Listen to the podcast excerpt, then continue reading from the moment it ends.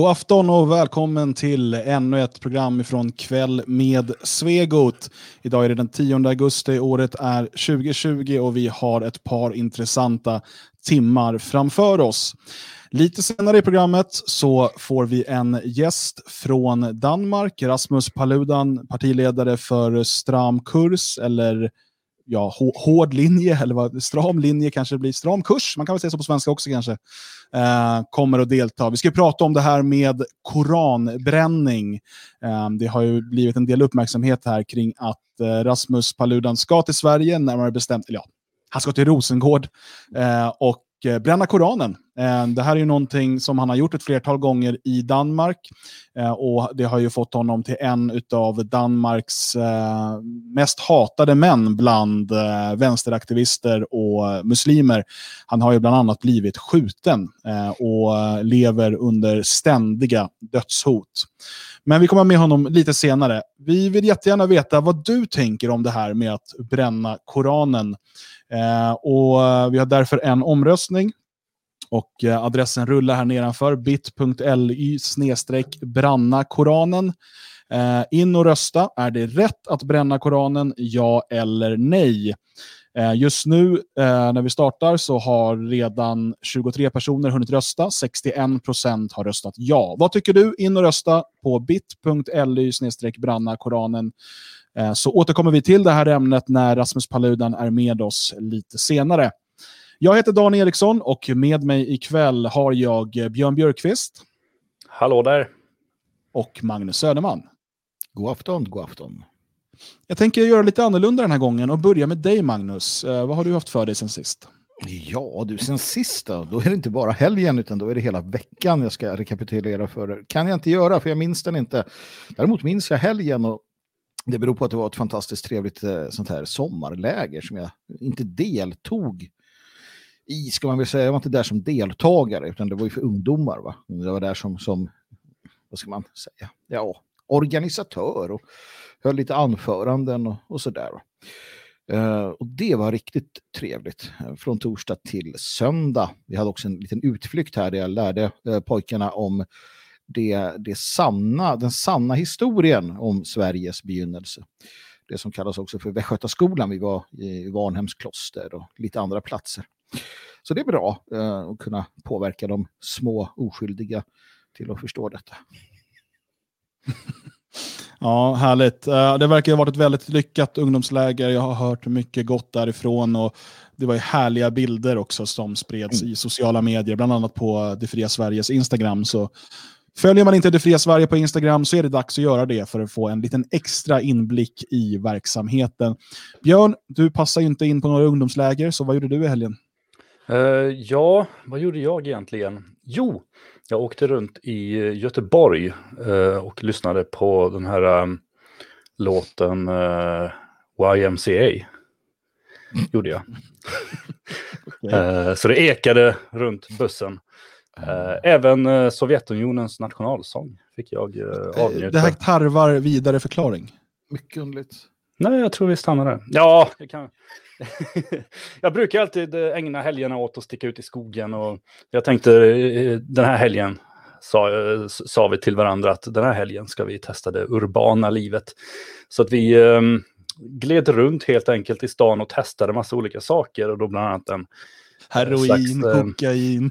Nej, en, eh, en sån här turistbuss som uh, åker runt i Göteborg och sen så sladdar den ner i, i, i, vattnet där och åker runt en sväng i vattnet och sen upp på land igen. Bara den tanken på att det var genomförbart gjorde ju att vi var tvungna att prova detta. Och det var kul. Rolig guide också. Ehm, och lite orolig var man ju när man åkte rätt ner i vattnet där. Nu hade de ju talat om det i förväg. Det hade varit roligare faktiskt om de inte hade gjort det. Fast då hade ju, inte, då hade ju ingen betalat för att åka med bussen. Så det blir ju en sån här... Jag vet inte, men det var kul om inte jag visste om det. Om de plötsligt bara var på väg och sen bara helvete, fan vi närmar oss mer och mer och guiden bara stod och pratade om någonting och vi bara for rätt ut i havet där. Men det visste jag i förväg. Men det var... Men, men hur, vadå?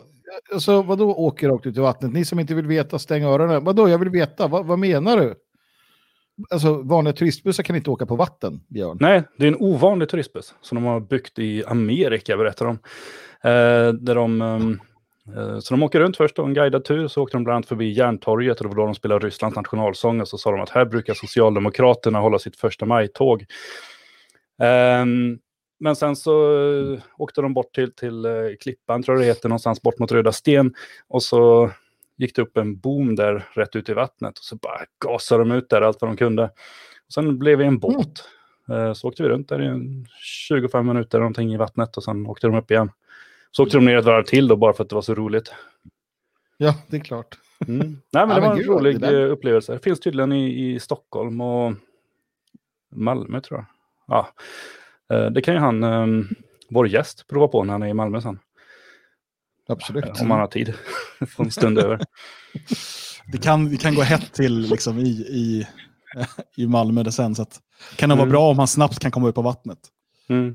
Det är ju annars känt jag- länge också att muslimer är ju rädda för vatten. De, de Ja, det är de. hamnar Det är, de. det är katter du tänker på. Just det. Och muslimer är mer hundar. Muslimer landar alltid på alla fyra ben. Nej, det är ju inte, det är inte sant. Här. Annars har jag förberett mig lite grann här under helgen för den här sändningen. Så jag har införskaffat de här. Ska du Eh, bränna dem nu? Eh, Den här? Nej, vi får se. Vi får se vart... eh, inte vad omröstningen säger, jag bryr mig väl inte om sånt. Men jag har ingen riktig uppfattning än så länge, så vi får se vart det landar. Nej, ja. Okej. Kanske. Ja, vi får se. Ja, men det är bra, bra förberedelse. Um, Mm. Det fanns ju möjlighet förut att beställa, jag vet inte om det går fortfarande, att man beställer gratis koran. Mm, eh, från ett ställe. den Eh, ja, är grat var gratis. den var gratis. Ja. Mm. Men det är, inte, är det Koranen eller är det bara om Koranen? Det står Koranens budskap. Nej, men så här är det. Och det jag hade ju tänkt avvakta med det, men, men det är ju faktiskt så här att ingen av de här två böckerna är Koranen. Därför att Koranen är på arabiska. Eh, översättningar är bara tolkningar. Så att den här boken som släpptes för ett antal år sedan och översattes av en icke-muslim, om jag inte minns fel, den har aldrig varit godkänd av muslimerna. Den här däremot som heter Koranens budskap är mer godkänd som Koranen därför att den inte utger sig för att vara Koranen men innehåller samma budskap. Men Koranen är det inte och det här är inga heliga böcker så ingen skulle bry sig om jag tände eld på dem. Det tror jag nog. Alltså, det, det, det finns lättkränkta Ja, kanske brandkåren när det börjar skjuta här och grannarna ringer. Och... Ja. Eh, vi ska snacka mer om att bränna Koranen med kvällens gäst Rasmus Paludan eh, lite senare. Eh, gå gärna in och rösta vad du tycker. Är det rätt att bränna Koranen? Rösta ja för ja och nej för nej. Det är superenkelt. Eh, länken finns här under bit.ly branna Koranen. Eh, just nu är det faktiskt 70% som eh, tycker att det är rätt att bränna Koranen. Vi får se hur det ser ut sen när vår gäst kommer in. Själv har jag haft en helvetesnatt, så ser jag extra blek ut så är det därför. Eh, det har ju varit väldigt varmt runt om i hela Europa och eh, här hade vi runt 34 grader igår och runt 23 grader på natten. Vilket gör att man såklart vill sova med öppna fönster och liksom lufta ordentligt och sådär. Eh, problemet är att jag bor på landet, på allvar på landet. Jag är omgiven av fält av olika slag, vete och raps och allt möjligt. Och eh, Det har varit väldigt torrt de senaste dagarna, så det har varit dags att skörda. Eh, man har ju väntat in i det sista här, men så sa de att det under natten skulle börja regna och åska och blixtra av sig. Så att bonden här bredvid gav sig ut eh, sent igår kväll eh, med sin jätteskördetröska utanför mitt fönster eh, och körde runt där fram tills det började eh, blixtra och eh, mullra utav bara den fram vid tretiden. Eh, så att valet var att liksom stänga alla fönster och kvävas ihjäl i värmen eller ha fönstren öppna och att det lät som att man försökte sova bredvid en skördetröska. Vilket var vad man försökte. Eh, så sömnen var inte helt optimal i natt. Eh, när han väl slutade så, alltså, så spöregnade det, så att då var man tvungen att stänga fönstren ändå. Eh, men jag lever, och det är väl det som räknas. Och eh, bönderna måste göra sitt jobb. Eh, det, det kan man väl det kan man väl vara okej med. Och man kan också säga så här att om jag väljer att bo typ mitt på en bondgård så är det lite mitt fel kanske. Då får man leva med sånt. Eller? Det får man. Det. Ehm, innan vi går in på eh, kvällens första ämne så vill jag eh, påminna om att vi har en ny öppningsfest utav Svenskarnas hus den 5 september. Det finns, jag tror det var 20 biljetter kvar när jag tittade här tidigare precis innan sändning. Alltså 5 september i Svenskarnas hus. Uh, vi kommer vara där. Eh, Kristoffer Kristoffer Dullny kommer vara konferencier. Vi kommer ha besök från Norge och från Polen. Uh, Danmark förhoppningsvis också. Uh, och vi kommer ha en, en väldigt trevlig tillställning. Det är bara för medlemmar i föreningen Det Fria Sverige. In på friasvenskar.se och boka din plats omgående. 5 september är alltså. Så vill jag återigen bara påminna om att Sveriges enda nationalistiska morgonradio, Sverige vaknar, har börjat igen. Eh, hade ju lite sommaruppehåll men började förra måndagen. Sänder direkt varje vardagsmorgon mellan 8 och 11 på sverigevaknar.se. Eh, vill du stödja Sverige vaknar, kväll med Svegot eh, och få tillgång till alla poddar, teckna en prenumeration på svegot.se plus. Nu, kära vänner, ska vi tala om våra privilegier, våra vita privilegier. Um, hur, brukar sig dina, hur brukar dina vita privilegier arta sig, Björn? Uh, jag vet inte. Alltså, saken är ju den att när, när man lever som jag gör, uh, som privilegierad, uh, vit, medelålders, heterosexuell man, då är det så naturligt. Man bara glider fram, tar det man vill ha. Man ehm, har liksom inga gränser. Polisen brukar gå förbi när jag stjäl saker. De bara lyfter på hatten och morsar. Goddag Björn, goddag Björn, säger de. Hejsan hejsan konstapeln, säger jag. Jävla skitstövel lägger jag till och de bara flinar och går vidare. Sånt är mitt liv. Um, tror i alla fall de som um, inte tillhör min grupp. Uh, för att jag tillhör väl ändå någonstans den här gruppen människor som tror att hela det här är en uh, bluff. Ett uh, sätt att um, få oss att tvinga in eh, andra grupper. Att eh, vi ska prioritera dem framför oss själva. Därför att det är så himla oerhört synd om dem. Men jag är inte säker än och jag, återigen, det här ska jag också ta ställning till under sändningen. Och, eh, jag tycker det ska bli spännande. Jag har inte sett den här eh, eh, fingergrejen eh, där man ska plocka ner man ska ju inte knipsa fingrar, ska man inte göra, men man ska fälla, fälla ner dem då. och eh, det ska bli kul att se om jag är Ehm, privilegierad eller inte. Ja, men, men eh, när du säger det då, för att det är ju så att Sveriges Radio, nämligen P4 Gävleborg Sveriges Radio, gick ju ut på sin Facebook-sida och eh, ville eh, förklara om det här med vitt privilegium. Eh, det är tack, tack Stadsradion för att ni gör det så att vi förstår detta.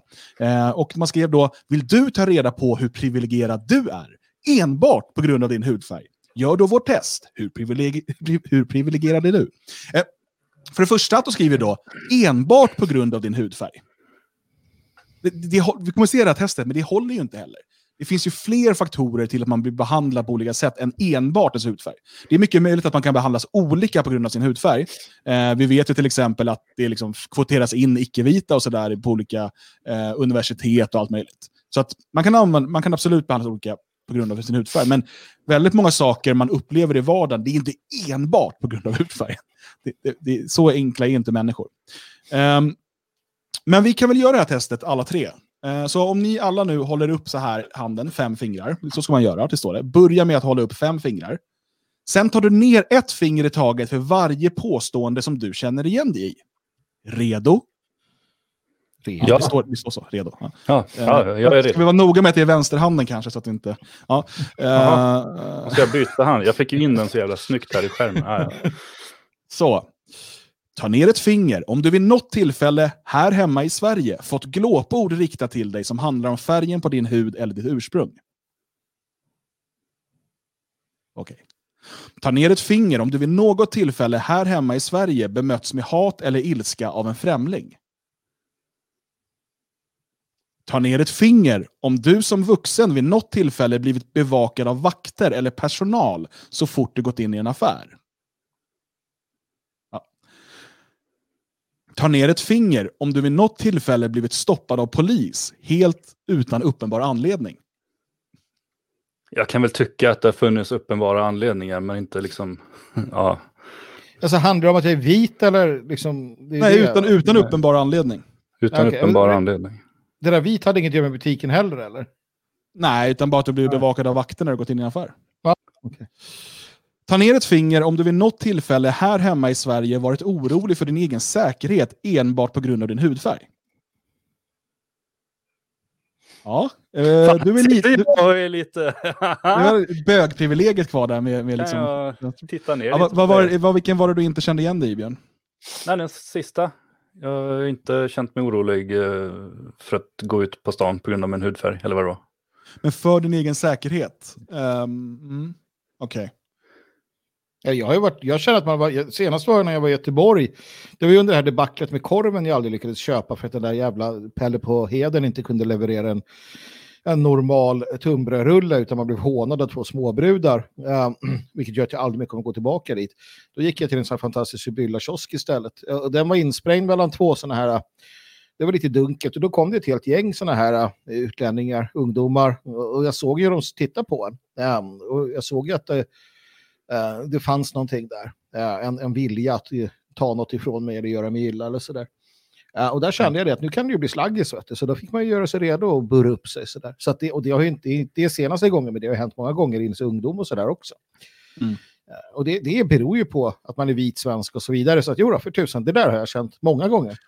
Alltså jag menar, jag har ju blivit eh, attackerad, rånad under liksom rasistiska tillmälen för att jag är svensk. Eh, mm. i, i, när man var yngre och bodde i förorten. Eh, och då har jag känt mig orolig för min egen säkerhet enbart på grund av min hudfärg.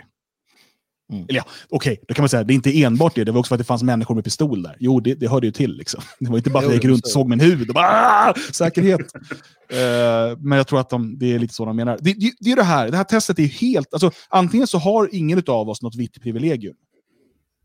Uh, eller Björn väldigt lite då. ja, uh, ganska men, mycket mer än er då, får man ju säga. Ja. eller så är det här testet helt värdelöst. Och de lever, de här P4-människorna lever i en verklighet där de tror att vita människor inte utsätts för de här sakerna. Att det här är inte är en del av vita människors verklighet, utan det här är något som bara drabbar rasifierade. Alltså, det, är det, här, det är det här som är problemet. Det är det här som är det obehagliga med detta. Och det här var och en måste förstå att det här är inte bara en liksom, rolig litet inslag, utan det här är på riktigt så att det som för några år sedan var var ett, ett slagträ på amerikanska campus där, där ni vet eh, extremvänsterns eh, företrädare och apologeter hittade på en massa nya tokerier. Det är på riktigt nu någonting som helt oironiskt plockas fram i Sveriges Radio i ett test.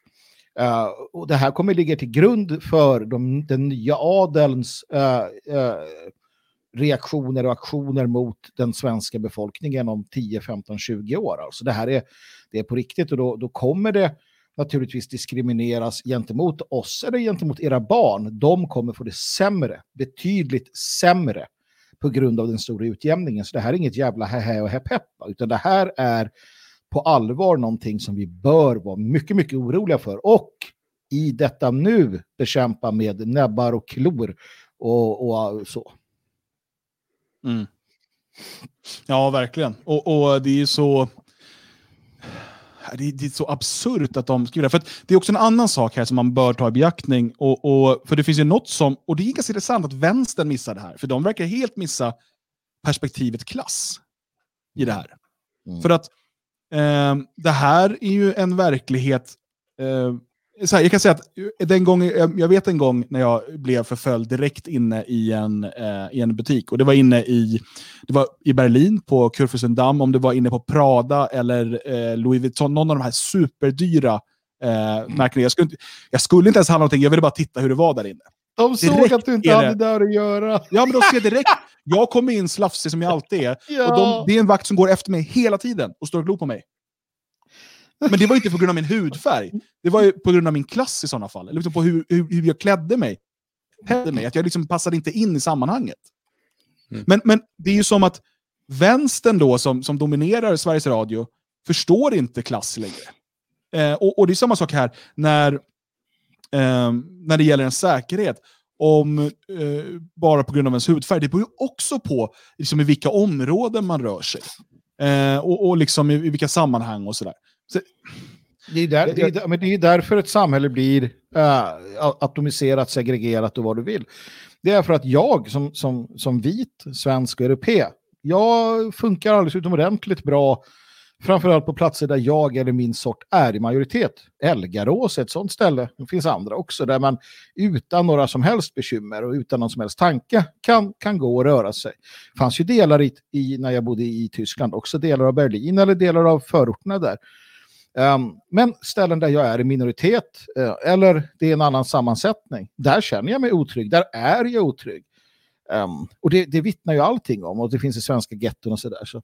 Och det är därför samhällen splittras så fort de blir mångkulturella, för att de flesta söker sig till sina egna. Mm. Ja, nej det, det, jag skulle, det missar man helt där.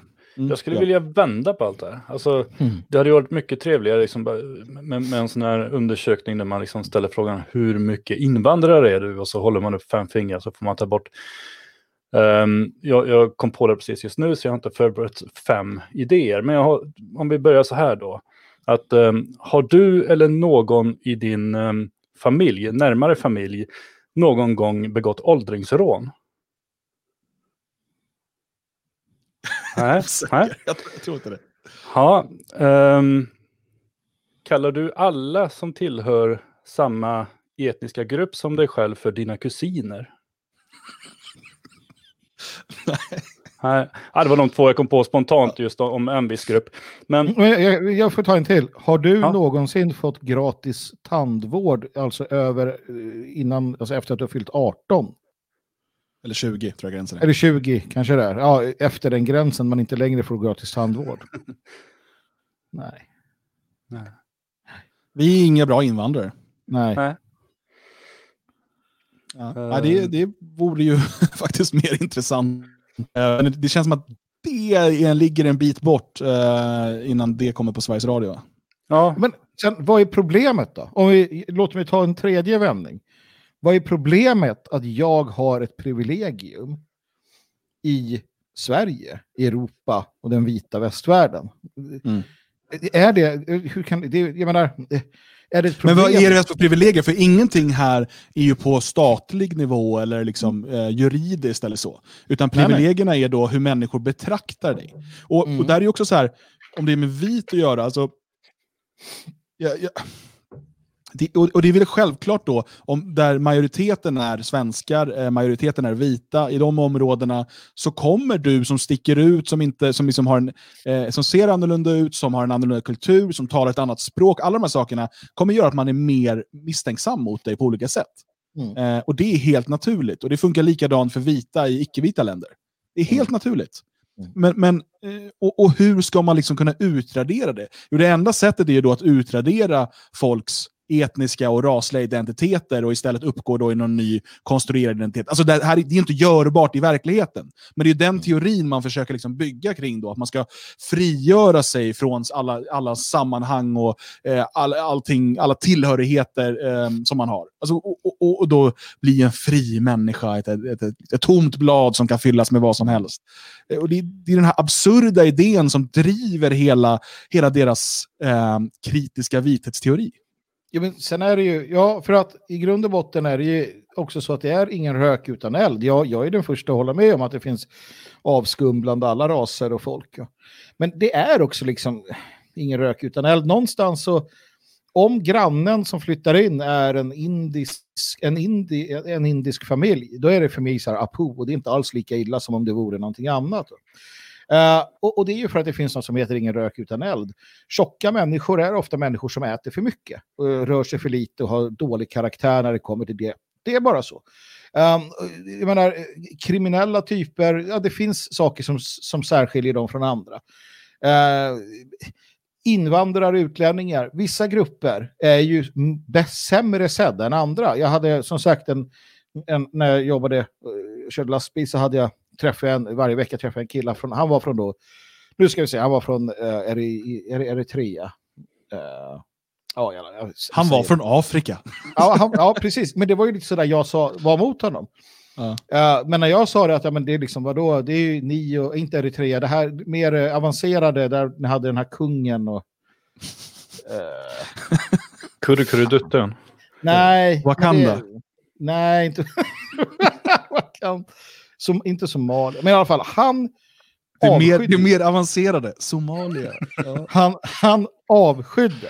Uh, alltså maken till att hata andra svarta. Det, det ja. fanns inte.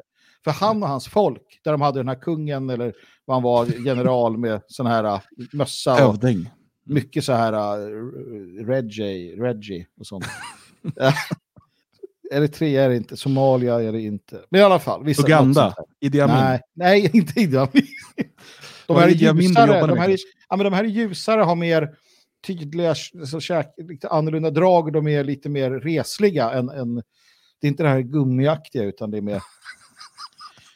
Ja, men det är som, jag ser alltså, Expo bara fyller i olika HMF-formulär här. Nej, men det finns ju, ja, men det är som vi, alltså, man, så här, italienare är ju på ett visst sätt och germaner på och så vidare. Va? Jag ja. hoppas ju att, att chatten skulle ge mig det här namnet på den här lite mer... Etiopien är det någon skriver. Etiopien, ja. ja. Såklart Etiopien. Tack så mycket. Uh, han avskydde ju de här andra. Alltså, på, på, det var så här att uh, nej, de ska vi egentligen bara göra oss av med. Liksom. Uh, och vad vill jag ha sagt med det? det minns jag inte nu. men det jag, jag minns hade inte sagt... du pratar om. Nej, men jo, ingen rök utan eld. Då. Om du tillhör ett folk som har blivit, liksom, det har, ni har råkat illa ut jävligt många gånger i historien. Alltså antingen beror det på att alla haft fel jämt genom hela historien och ni egentligen bara är oskyldiga offer. Ni har aldrig gjort något fel, men alla har bara kört ut er och varit elaka mot er. Eller så är det att ni har gjort några jävla dumheter. Kanske mer än andra och därför sticker ni ut och därför har ni fått åka ut. Va? Jag säger inte att det är så, men när jag var liten och så här, Söderman, han, ja det är säkert han som har liksom gjort det här buset. Ja, för att Magnus var ju en sån där jävla skitunge delvis när han var liten. Så det var inget konstigt, ingen rök utan eld. Jag vet ju att du är lite avundsjuk Magnus, och du kommer nog snart få en sån här. Alltså. Det, det var, ligg i så kommer HMF-medaljen HMF ja, nej, men jag, nej, men ja, visst, visst om, det, om sanningen ska behöva rendera det. Så.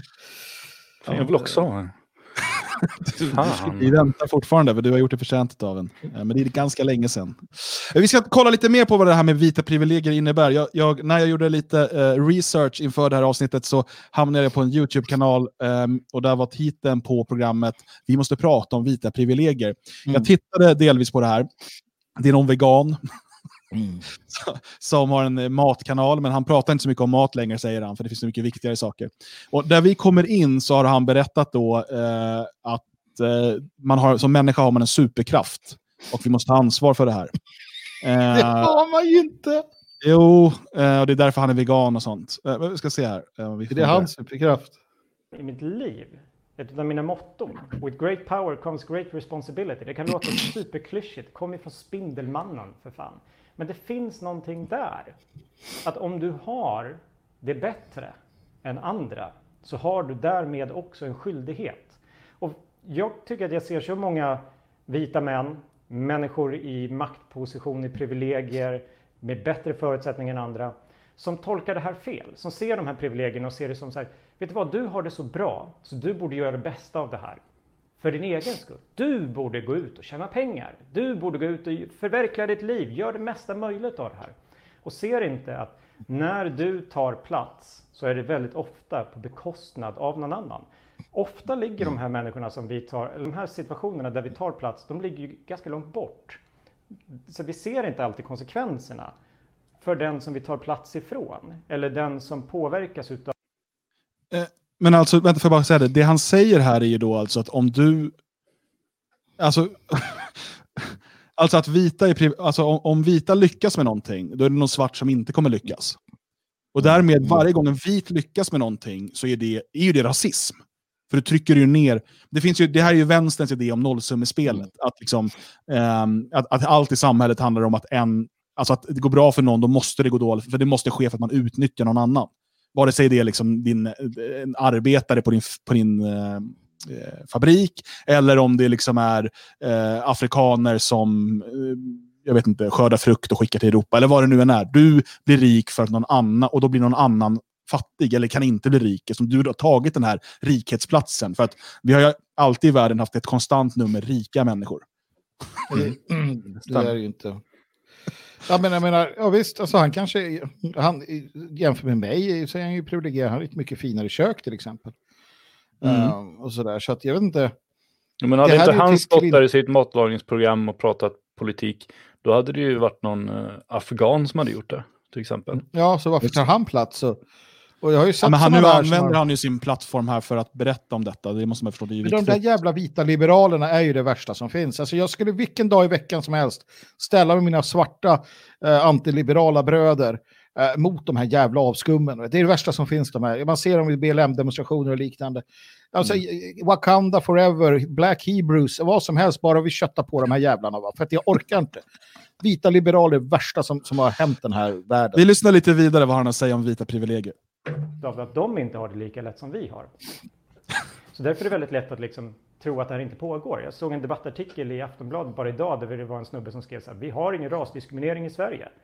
Den här snubben har uppenbarligen aldrig jobbat på en skola i eh, Järvaområdet och sett hur de ungdomarna som är födda i Sverige inte ser sig själva som svenskar, aldrig fått höra ett enda ord jag säger ju det! har.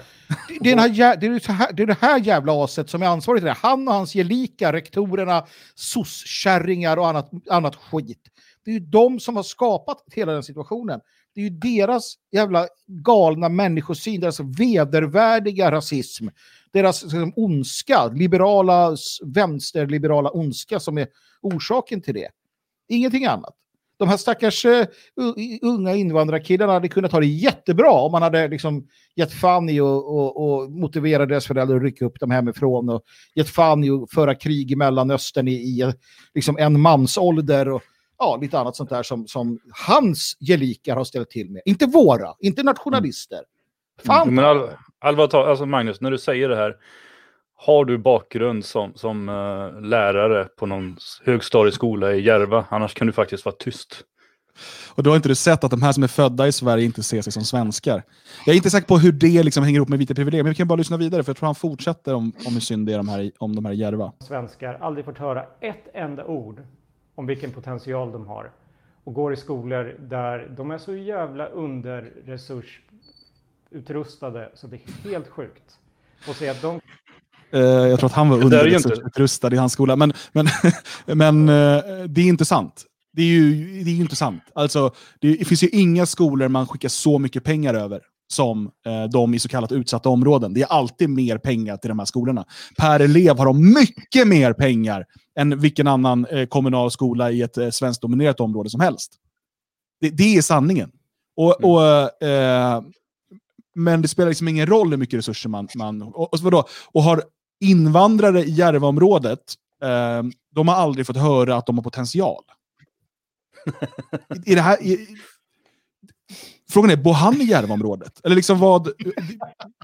Vad får han där? Det är, återigen, det är precis som med de här på Sveriges Radio, som tror att liksom, vita aldrig liksom, kan utsättas för att liksom, känna sig osäkra eller eh, bli, få höra tillmälen på grund av sin hudfärg och så vidare.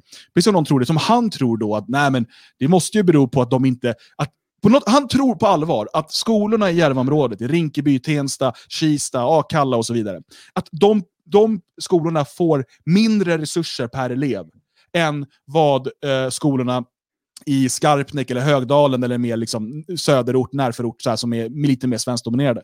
Även om det är mycket invandrare där också nu. Det, det är ju helt... Alltså han tror det på allvar. Att det, det, det är den rasistiska Stockholms kommun, eller vilka det är nu som delar ut de här pengarna, som bestämmer om det är staten eller kommunen, som säger då att Järva, nej, de ska ha lite mindre, de ska få mindre resurser. Och dessutom ska de få hatiska lärare som aldrig någonsin säger någonting positivt till de här eleverna. Så, och hela samhället bara står och tittar åt ett annat håll bara för att eh, inte tappa sina egna för. Alltså det här är ju så jävla dumt. Alltså, ha, eh, ja, jag undrar, kommer han från Järva själv? Befinner han sig där? Det räcker ju för fan med att det springer runt några ungar och spelar fotboll där ute så kommer SVT och filmar det och bara här har vi nya Zlatan. Så här, det, det, liksom, det, det kvittar ju bara några ungar springer förbi så bara, men de ska vara med i vårt lekprogram och de ska vara, de rycker ju in. Fan, jag har tittat på Barnkanalen. Det borde den här herren göra. Det bara kryllar ju av sådana här som ska få chanser att komma in i samhället. Mm. Jag vill titta mer. Ja, vi kollar lite till. kidsen har samma förutsättningar som han, det är ett jävla skämt. Och vad är det då? Är de här barnen dumma i huvudet? Och dina barn är fantastiskt intelligenta? Nej, jag tror inte det är det som är grejen. Det handlar om olika förutsättningar. Och du sitter on the receiving end. Och därför märker du aldrig av det. Och det är det som... Det är en annan sån grej som så här, män som inser att kvinnor har ett problem när, med sexuella trakasserier när de själva får tonårsdöttrar. Va, vad gjorde du de första 45 åren i ditt liv? Du hade manliga privilegier.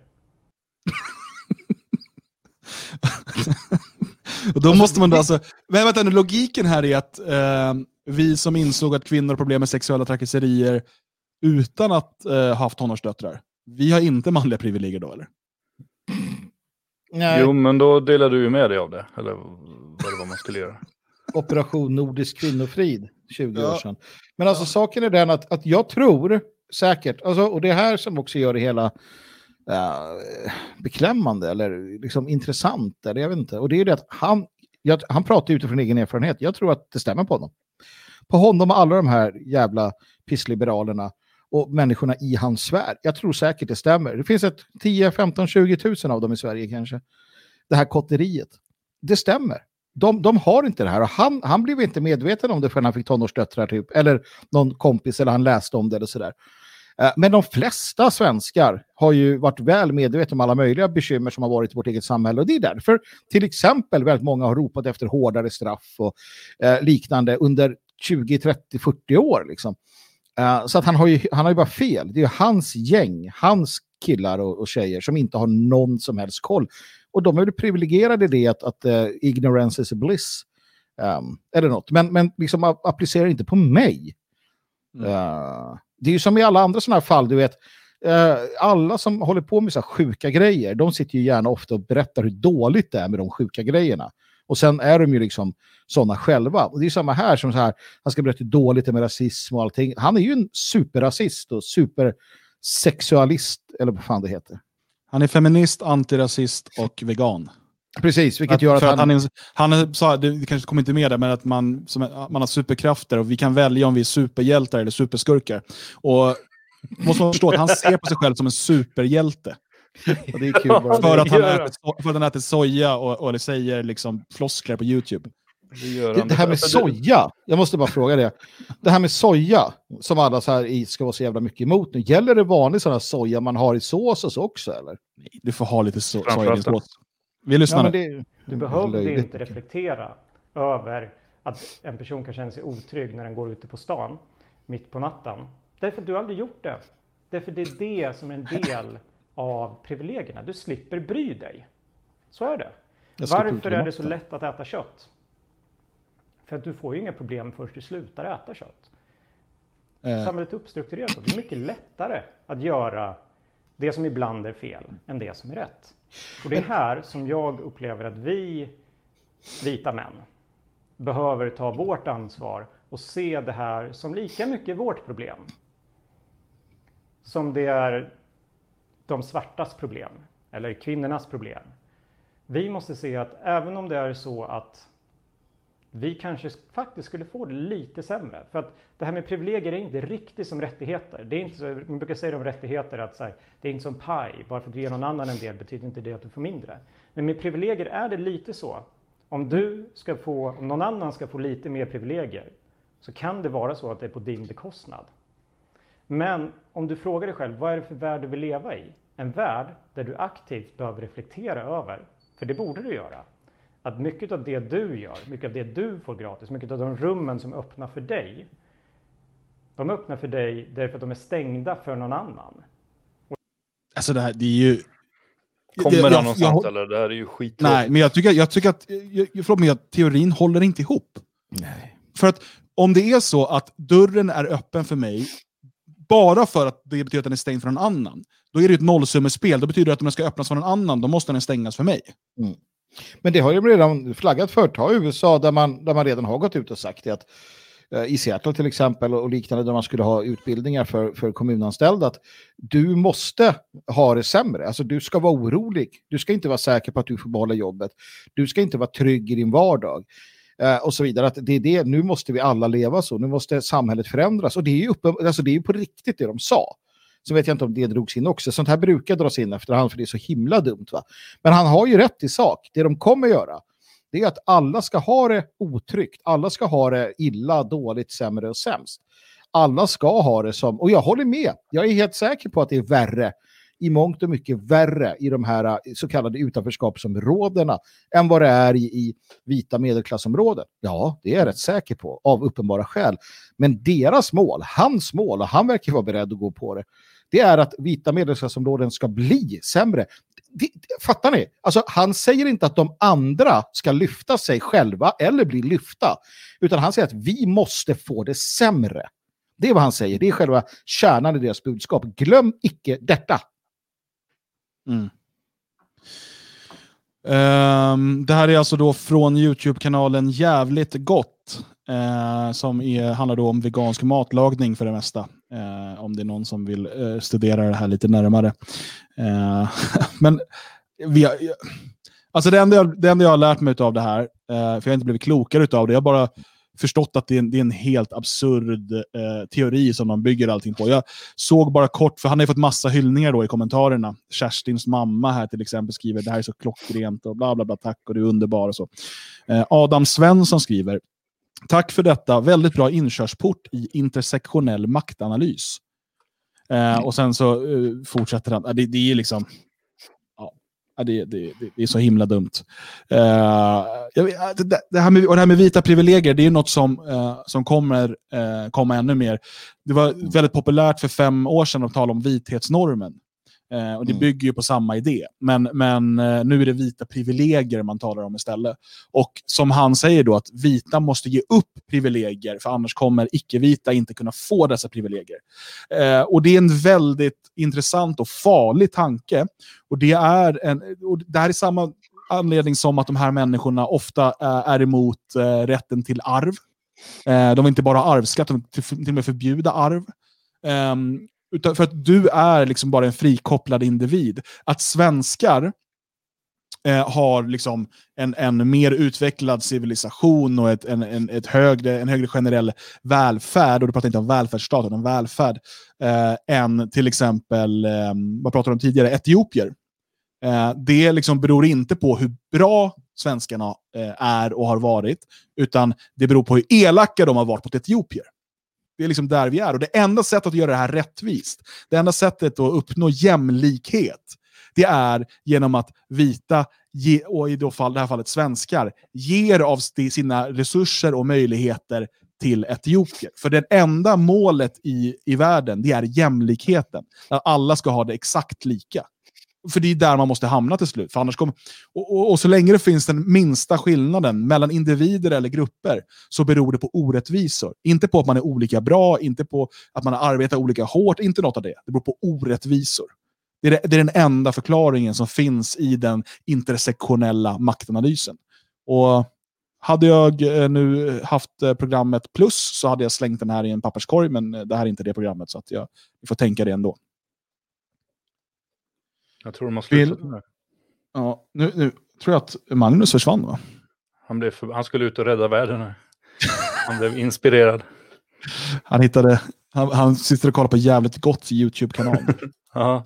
Nej, jag var inne och tittade lite grann på den också. Jag, jag, jag, såg aldrig filmen, men jag började läsa kommentarerna. det var ju så fantastiskt där, med det här det var någon som hade aldrig hade fått det förklarat för sig så bra och att det blev som ett uppvaknande, liksom en, en käftsmäll. Så, mm. riktigt fantastiskt. Jag vet inte, den här superkraften han pratar om, jag, jag, kan inte låta bli att tänka på Amanda Malmberg, om du minns Hanna. Nej, jag vet inte. Nej, uh, hon, hon, berättade i någon intervju med Aftonbladet att uh, min diagnos är min superkraft. Hon ville bli Liberalernas första Eh, eller Sveriges första riksdagsledamot med Downs syndrom. Och eh, hon menar ju då att det där var ju hennes absoluta superkraft. Och det är lite den nivån det hamnar på här, liksom att uh, den ena ska ut och rädda världen och, och hennes superkraft är just att uh, hon har... Om jag fick välja superkraft, alltså så här, bara bli osynlig eller kunna flyga eller ha Downs syndrom, då hade jag ju lätt valt bort Downs syndrom för, för något av de andra. Osynlig hade varit ganska häftigt. Downs syndrom nej, jag kan, jag kan inte väga dem på samma våg så att säga. Superdown! Det är, det, det, det är en film i och för sig. Det är lite som så här Glada Hudik-teatern. Det är kul och mysigt, men... Ja, ja men det blir uh, underligt. Väldigt underligt. Men sen är det också så här konstigt, och det är kul med de här veganerna. Um, det finns ju vettiga veganer också som har uh, andra åsikter. Men det finns ju en krets som, som har det här vegan Eh, ätandet som en del av sin vänsterideologi. Där de avskyr allt annat som inte eh, passar in i den. Jag har sett till exempel, jag, jag följer Lady Damer på Instagram. Och varje gång hon lägger ut någon bild, jag har inte börjat med det än, hon bor för långt bort. Varje gång hon lägger ut någon bild på att hon sitter och käkar kött så får hon ju en massa veganer emot sig som talar om för henne att hon är ingen riktig feminist. För att hon äter kött. Mm. Och det är ju hela tiden sån här, och hon, har, hon själv har ju förklarat någon gång där att man kan ju inte vara riktig feminist om man inte också är antirasist. Så att de håller på att hacka på varandra hela tiden där, för att man, man, alla måste passa in i den perfekta formen. Och, och det är hela tiden där olika nivåer. Och ligger man inte på den absolut högsta nivån, då är man en värdelös människa. Fast de egentligen är det allihop. Mm. Eh, jag vill påminna om att det pågår en omröstning i ungefär en kvart till. Ehm, vi har ju eh, med oss lite senare Rasmus Paludan från Stramkurs eh, och vi ska snacka om det här med att bränna Koranen. Är det rätt att bränna Koranen? Vad ska Björn göra framöver? Eh, Se till att gå in och rösta. Eh, Länken ser du här nedanför. bit.ly branna Koranen. Eh, Det är bara 39 som har röstat hittills, jag är besviken på er. Eh, nej, 52, men i alla fall fortfarande besviken. 75 procent, tre fjärdedelar, tycker ja än så länge. Eh, så att vad du än tycker, in och se till att just din sida vinner. Det är så här vi får veta vad som är den rätta vägen framåt. Allmänna val. Ehm, skenande kostnader för utvisningar av kriminella. Det är ju en skandal att det börjar bli så dyrt att utvisa de här nu. Eller vad säger du, Magnus? Eh, Björn? Du kollar bort mig där. Eh, jo, nej så är det absolut. Jag ehm, läste den här artikeln igår tror jag om att ehm, nu har det blivit så himla dyrt att utvisa människor. Förr så kostade det, jag borde haft artikeln framför mig och jag kan inte se vad det står på den där lilla skärmen. 56 000 till 130 000. Ja, men samtidigt då som vi utvisar mycket, mycket färre människor. Så att eh, totalt så är det faktiskt en, en eh, lägre kostnad om, om inte jag räknade fel när jag tittade på det. Så att vi, vi, det kostar ju egentligen mindre just nu just i utvisningar på grund av att färre utvisas. Men per utvisning så blir det lite dyrare. Och det är ju då Sveriges Radio som går ut med de här uh, nyheterna. De vill ju alltid vrida och vända på det. Att det är dyrt att utvisa, men det är en framtida vinst att behålla. Det här handlar om kriminella invandrare, sådana som alltså har fått en utvisning på grund av att de har begått ett brott. Och de håller på att utvisas, men det är svårt nu på grund av corona, dels därför att det inte går särskilt många plan. Uh, och då måste man hyra in speciella plan för att skicka ut de här uh, bovarna och mördarna och vad det är för allsköns patrask. Uh, och då är det lite dyrare just nu, 150 000 istället för 50 000.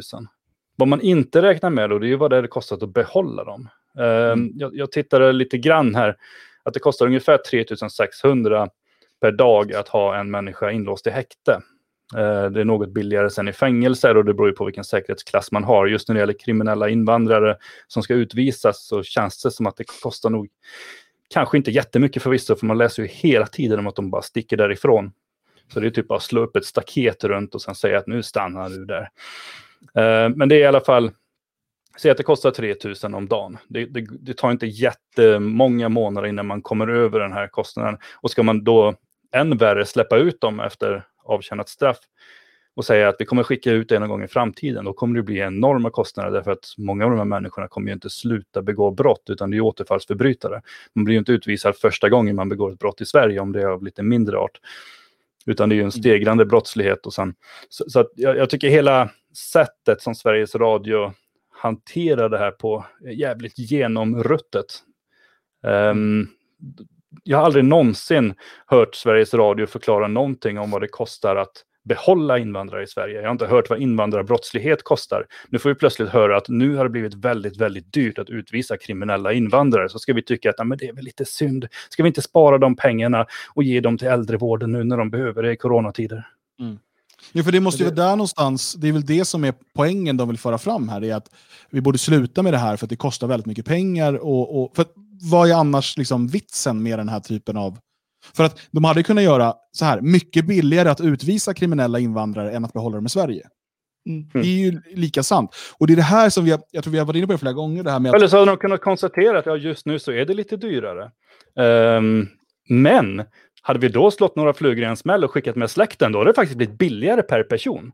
Så, man, man, kan faktiskt räkna på det sättet. Nu utvisar vi inte bara boven för det blir för dyrt, utan vi tar med mamma och pappa och alla syskonen och kusinerna. Och då blir det jättebilligt, då blir det bara några hundringar per, per, per kriminell och deras anhang. Då har vi ju sparat för fan hur mycket pengar som helst. Men så räknar man inte på Sveriges Radio det här bevisar ju bara det som vi brukar säga, att de har en agenda. Jag menar, DN är tydliga med det, men SVT utan tvekan att det är den agendan de har och för fram, annars hade de vinklat annorlunda naturligtvis. Eh, så det där kan de aldrig komma ifrån. Sen tycker jag också att det är fascinerande eh, att, att de på något sätt lyckas få till det med, alltså att det är kriminella, det är inte så att de ens försöker eh, hitta det är kriminella människor som ska ut av olika skäl. De har begått brott, va? men det spelar ingen roll heller. Men jag menar, vi har ju en värld som, som böjer knä för att en kriminell svart kille, Floyd, eh, dog efter ett polisingripande. Eller snarare dog på grund av en överdos kanske. Um, mm. och, och, och, nu kommer ju, som sagt, så har ju en, en, brittisk tidning släppt den här filmen då, om vi tar Floyd, släppt den här filmen uh, på hur polisingripandet gick till. Och det är ju uppenbart att Khan hade överdos, att han betedde sig undligt och att det inte finns något fog för att den här Joanna, vad heter, är, är ansvarig. Eh, poliserna bör ju friges. Va? Och det här har varit samma sak varje gång, men man har inget problem med att låta kriminella människor som har gjort fruktansvärda saker att, att, och, och man kommer undan med det. Och det är fascinerande, för de vet ju att det är kriminella. De vet vad Floyd gjorde. De vet. Ja, alltså den här uh, filmen på, på George Floyd när man då ser med en sån här uh, kroppskamera eller bodycam. Mm. Um, den, den omkullkastar ju hela narrativet, men det har ju mm. varit kompakt tystnad i i stort sett all gammelmedia. Den mm. publicerades visserligen av Daily Mail, uh, mm. men, men resten har bara liksom hållit käften. Svensk media har inte ens nämnt den. Mm. Jag, alltså, jag, jag har inte sett det, jag kan ha fel, men det har åtminstone inte blivit några stora rubriker av det. Uh, och Det blir just det här med propaganda. För det finns ju en föreställning om att eh, journalister eh, kan vara objektiva. De må ha privata åsikter. Det, var en det har varit en diskussion med de senaste de här, eh, opinionsundersökningarna bland journalister där man har sett att det finns en stark slagsida åt vänster. Eh, och, och på medierna i P1 senaste helgen så diskuterade man det här och då, då var, man nog, då var så här folk väldigt upprörda. Någon professor i media, bla bla bla. Så här, nej, men eh, det är klart att, att de kanske har en vissa åsikter, men det är ju, det är ju att det, liksom, det, det är eh, skamligt att påstå att det här på något sätt skulle färga deras eh, yrkesroll. För att eh, det finns ju i, all, i alla arbetsgrupper så finns det säkert en lutning åt ett eller annat håll. Att bland lastbilschaufförer så kanske det är fler som röstar på ett sätt och bland sådär. Och det mm. påverkar ju inte dem i deras yrkesutövande. Jo, det Utan de, de, de, de, kör ju, de kör ju, gasar ju med gaspedalen ändå.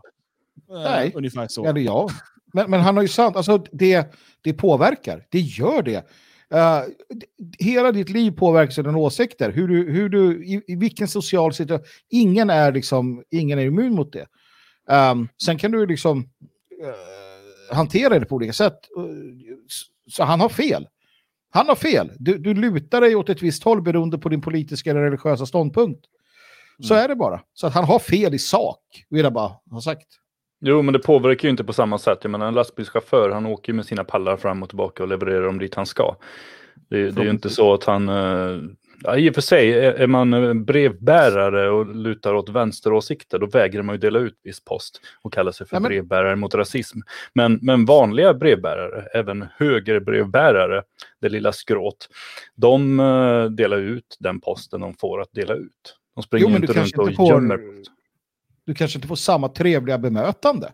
Jag är, inte, varför skulle, jag är inte lika trevlig mot liksom, någon som är min, min ideologiska dödsfiende som jag är mot om jag skulle leverera något till Björn.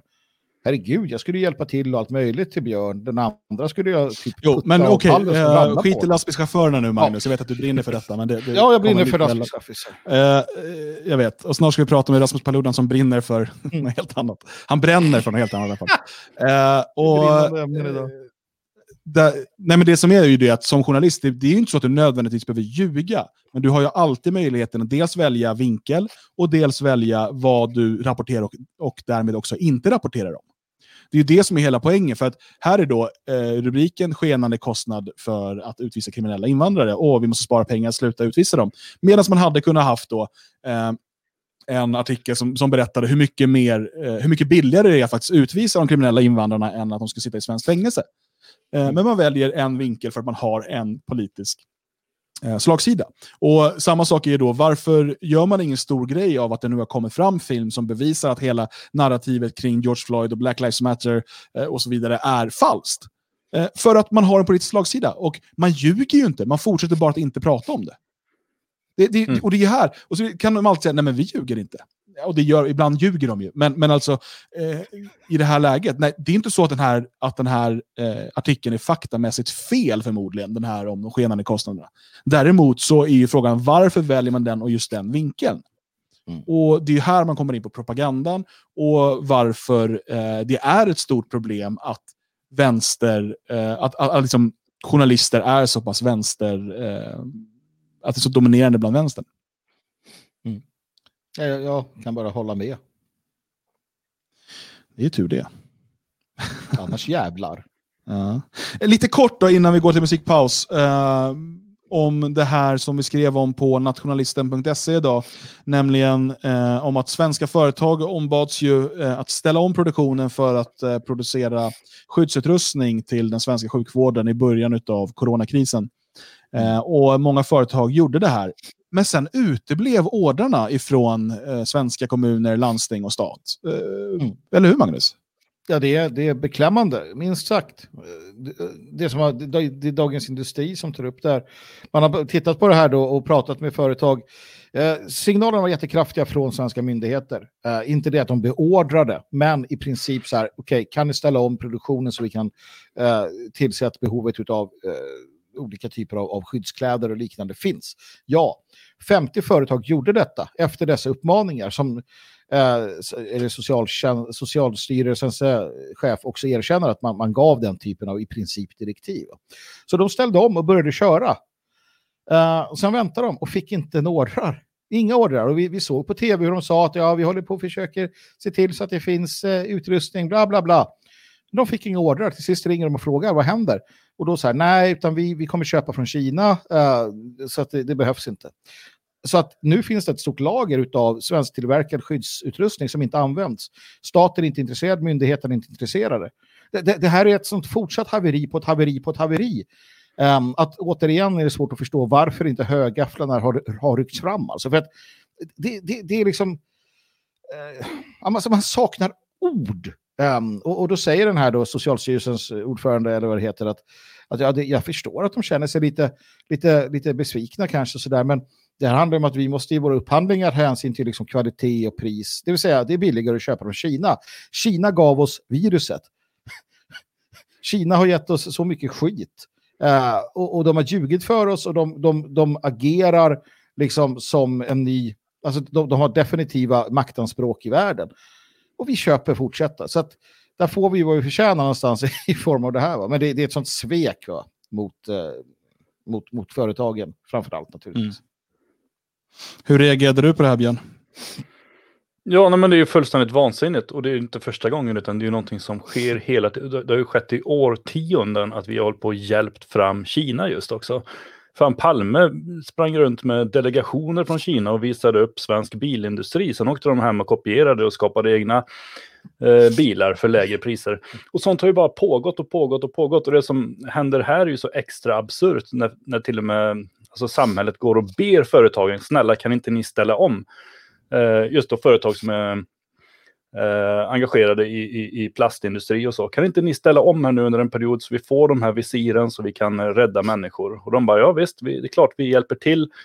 Eh, de såg väl också en möjlighet att tjäna pengar. De kanske hade eh, lite sämre produktion där i början av coronakrisen. Men de ville även hjälpa till och de, fine vi gör det här. Och sen står staten där bara era dumma jävlar, det är klart vi inte köper er jävla plast. Vi försöker ju döda er industri. Vi har just lagt en massa skatt på era påsar. Nu håller vi på att diskutera att sätta plast på, eller skatt på varenda plastomslag på, på allting. Tror ni att vi tänker köpa er jävla plast? Vi håller, vi håller på och kväver er. Vad fan är ni dumma i huvudet? Och, och de står där och bara, åh nej, åh nej, vi litar på staten, det, det kan man väl göra. Ja, jag tror inte det. Nej, men jag, jag tycker det är genomvidrigt och det är så jävla typiskt det här ruttna samhället att bete sig så här. Alltså en, en paroll som har funnits i svensk nationalism i åtminstone hundra år. Det är ju köp svenskt av svenskar. Och den står fast. Och det, så länge man har en regering som inte står fast vid det så är det en förrädarregering. Och man kan även titta på, alltså när de pratar om att ja, vi måste även tänka på priserna. Men vad är billigast? Och importera något, något billigare från Kina eller att betala lite mer från Sverige då det samtidigt går in extremt massa skatt tillbaka därför att staten stjäl ju nästan alla pengar som vi tjänar också. Mm. Pengarna kommer ju tillbaka då. De, de grejerna måste man ju räkna med. Man kan ju inte bara se vad ett visir kostar när man står med det i handen, utan vad kommer tillbaka när vi ser att människor har arbete, vi ser att företag lever och frodas, vi ser att eh, pengar kommer in i form av skatt. Allt det här måste man också räkna in, men det gör man ju inte, utan man tittar bara på de här jävla plastbitarna och väljer det som är, verkar dummast. Nej, och det är ju också det att när, när svenska staten har gått in och liksom med, med olika typer av bidrag och eh, olika sätt, så lån och bidrag till svenska företag under den här coronakrisen, men väljer att inte handla av dem istället då, får dem att börja producera en massa utrustning och sen ändå handla från Kina. Alltså det, det, är- det är så dumt och kontraproduktivt så att man, man, liksom, man vet, det kommer återigen den här frågan då, är de dumma eller onda? Jag vet inte. Alltså det, det är en kombination av båda. För att det är så urbota korkat. Och som tur är lyckades ju många av de här svenska företagen sälja skyddsutrustningen, men då till utländska eh, stater och, och privata sjukhus utomlands och så vidare. Det är ju det är så absurt alltihopa. Eh, men ja, men det är väl eh, ingenting att, att eh, bli förvånad över. Nej, det är viktigt att påpeka det så att folk är medvetna om att det här är som det är. va?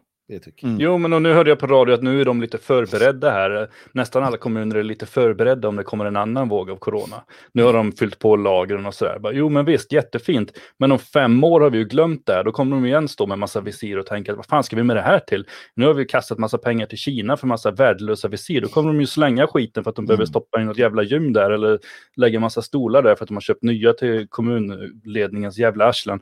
Och så tar det 15-20 år till så står de igen bara fan också, vi behöver visir. Det finns tydligen någon sjukdom som Kina har spritt ut över världen. Bara, vi måste ringa Kina, hur löser vi det här? Och så ringer de svenska företag, nu måste vi lösa det här. Och de bara, nej, vi tillverkar inte plast längre för ni har ju dödat oss era jävla mongon. Alltså det har ju gått helt... Gud, det här är det ämne du har blivit argast över. Det tycker jag är intressant. Men jag, jag, tycker tänker lite så här, sjukt. grabbar, om 20-30 år då är vi döda, så vad spelar det för roll? Ja. Vi ska ta en eh, kort musikpaus. När vi är tillbaka så ska vi prata om det här med att eh, bränna Koranen. Är det rätt eller fel? Eh, och eh, vi kommer ha med oss eh, Rasmus Paludan för att diskutera det här. Eh, och kanske vi behöver diskutera också, kommer det här ens gå att genomföra i Sverige? Eh, Sverige är som bekant inte Danmark och det fungerar lite annorlunda.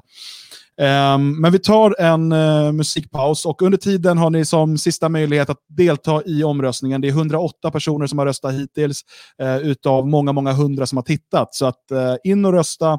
Länken här nedanför bit.ly branna Koranen. Just nu är det 77 procent som har röstat ja till att det är rätt att bränna Koranen. Så in och lämna din röst så är vi tillbaka om en liten stund. Der er noget galt i Danmark, Dybbølmølle maler helt af helvede til. Bare tegne drengen er i orden, kan man få det som man vil. Blæse vær med andres mening, selvom det er dem, der står for skud. Der er noget skævt i toppen, noget der trænger til at skiftes ud. Jensen går ned til en å for fange sig en fisk, hvad han ofte har gjort. Men der er ingenting at hente, en industri har fyldt åen op med skidt og lort. Før gik han tur langs med stranden og nød de vilde fugle i 10.000 vis. Nu kan han få dem i olie, men til for høj en pris. For der er noget galt i Danmark, Dybbølmølle maler helt af helvede til. Tegne drengen er i orden, kan man få det som man vil. Blæse vær med andres mening, selvom det er dem, der står for skud. Der er noget skævt i toppen, noget der trænger til at skiftes ud. Prøv blot at se, hvad der sker i det gamle gader midt i vor by København. Hæslige kasser skyder op, turen også kommet til det kære Christianshavn. Lastbil på lastbil skal larme og huse langs kanalen hver andet minut. Dem må vi stanse i tiden, og må det være slut. Der er jo noget galt i Danmark, Dybbølmølle maler helt af helvede til. Bare tegne drengene i orden, kan man få det som man vil. Blæse hver med andres mening, selvom det er dem, der står for skud. Der er noget skævt i toppen, noget der trænger til at skiftes ud. Der er noget galt i Danmark, Dybbølmølle maler helt af helvede til. Bare tegne drengen er i orden, kan man få det som man vil. Skide være med andres mening, selvom det er os, der står for skud. Noget skævt i toppen, noget der trænger til at skiftes ud.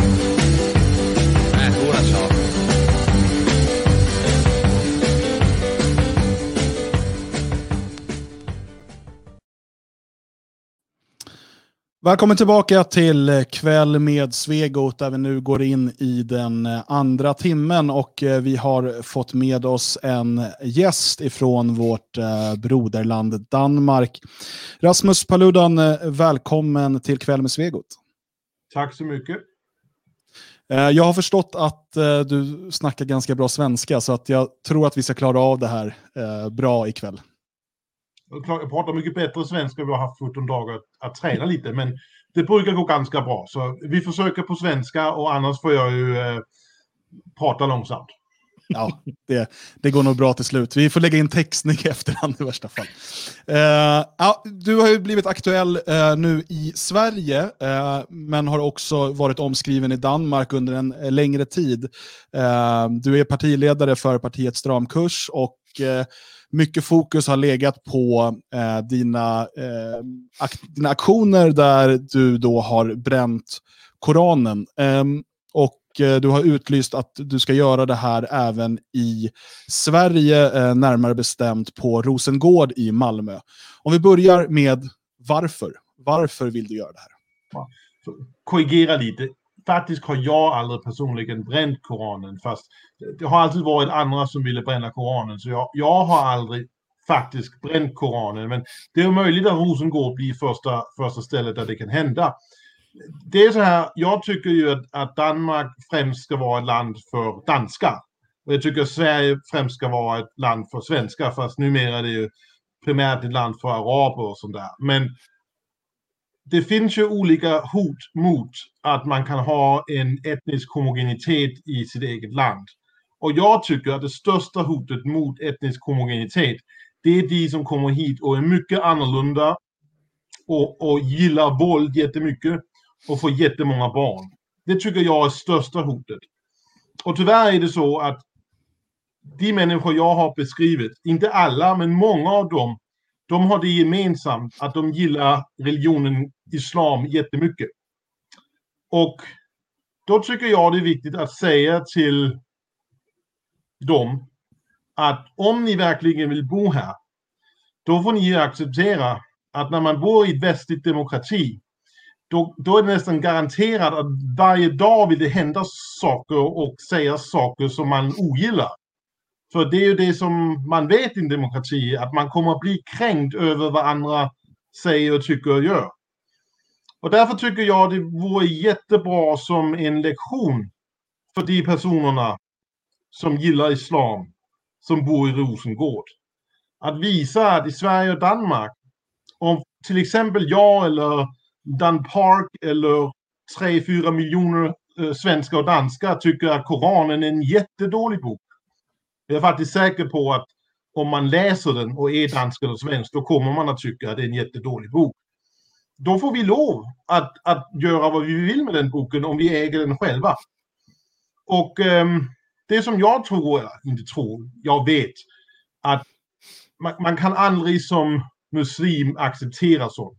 Det enda sättet man kan acceptera sånt, det är om man egentligen inte är muslim. man kan säga att man är muslim, men om man verkligen är muslim kan man inte acceptera att andra människor säger och gör saker som kränker islam eller den stora profet och så vidare. Därför tycker jag det är jätteviktigt att visa att det får man lov att göra i, i Sverige och Danmark.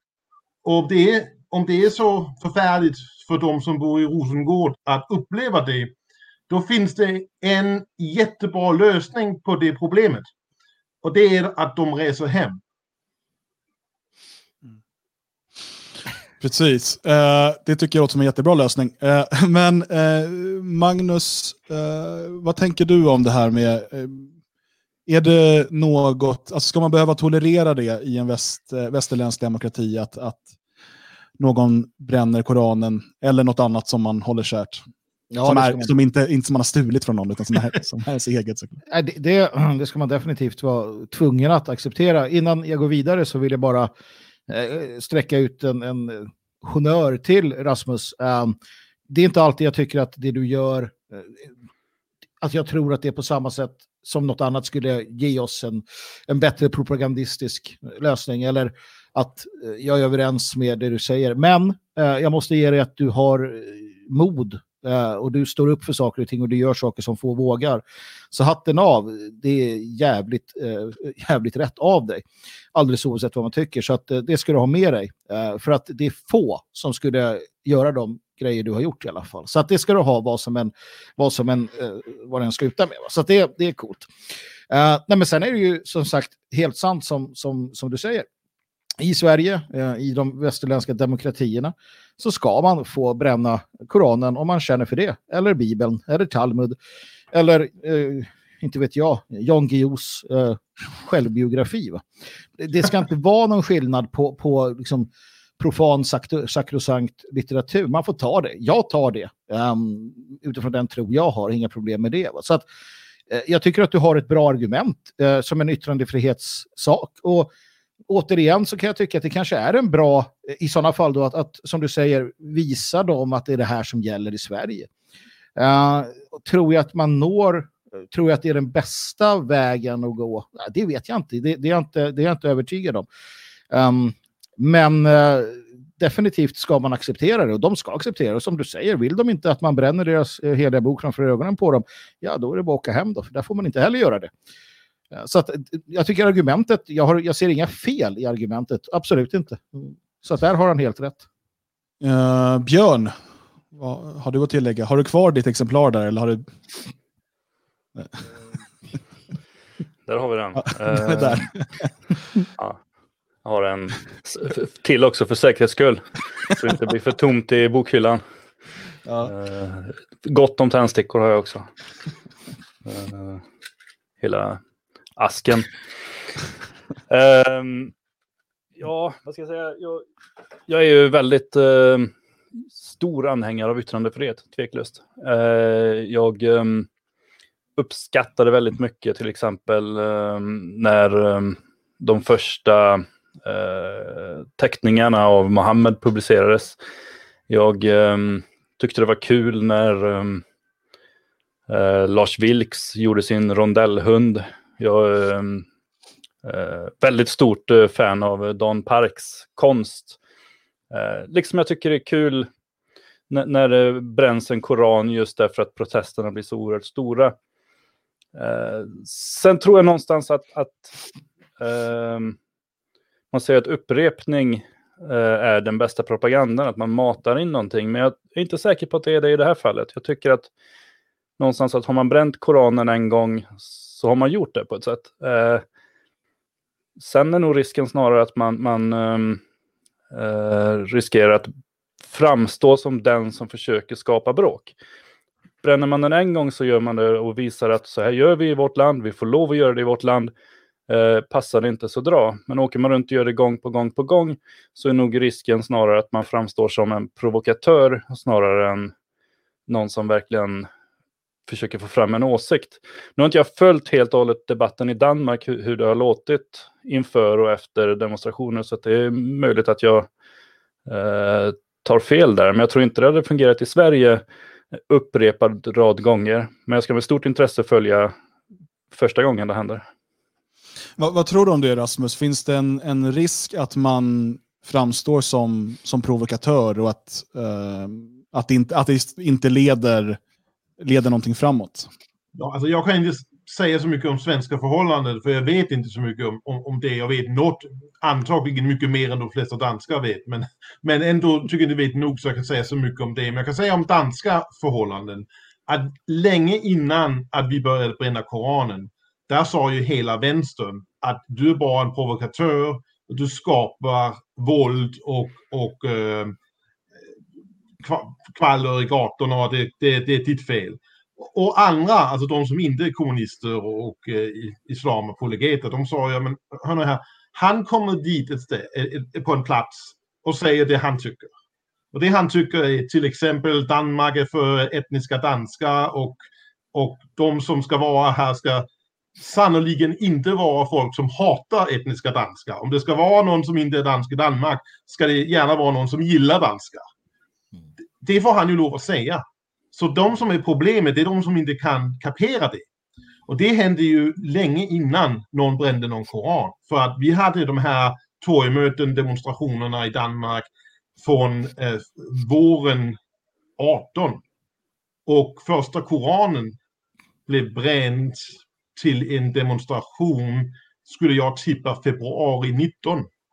Så länge innan det var någon koran. Då var det bara det att komma hit, ett ställe där det bor många muslimer och säga, jag tycker islam är skit. Jag gillar inte att profeten Muhammed han hade sex med en nioårig flicka som hette Aisha. Jag tyckte det var fel och jag, jag, tycker att om man har en religion där man tycker en person som har samlag med en nioårig flicka är bra, då tycker jag det är ganska korkat. Och man får ju säga det. Så det är klart, det finns ju en risk att man framstår som provokatör, men det finns ju också, det är ju en downside, det finns ju en upside också. Och jag skulle säga att den upside som har varit är ju att det har ju, det har ju verkligen flyttat sig. För första gången, andra gången, tredje gången det blev bränt en koran, då är folk ju fortfarande livrädda. Alltså då kom ju säkerhetstjänsten till honom, den första som brände en koran i, i 18, de kom ju på hembesök och sa det är mycket farligt och nu är det risk och så vidare. Men när det var 15-20 olika folk som hade bränt en koran, då hände inget. Det var ju det som var den stora segern. Folk var ju livrädda för att bränna en koran. Men eftersom vi repeterade och repeterade och det var olika folk som brände koranen, då blev det ju normaliserat. Och det hände faktiskt i, i, i, igår hände det, det att jag var i en liten stad som ligger på källan som heter Haslev. Och det var faktiskt en brun kille som kom hit och sa att han ville gärna tända på Koranen. alltså det tycker jag är en stor seger. Det är mm. verkligen att normalisera något som bara för ett år sedan var helt liksom, hur kan du göra sånt liksom? Så det är klart, jag förstår ju att det kan vara att man blir målad som en, en provokatör. Men jag skulle bara säga att det hände ändå. Alltså om vi bränner Koranen eller inte, då är det no den målning som kommunisterna kommer att göra.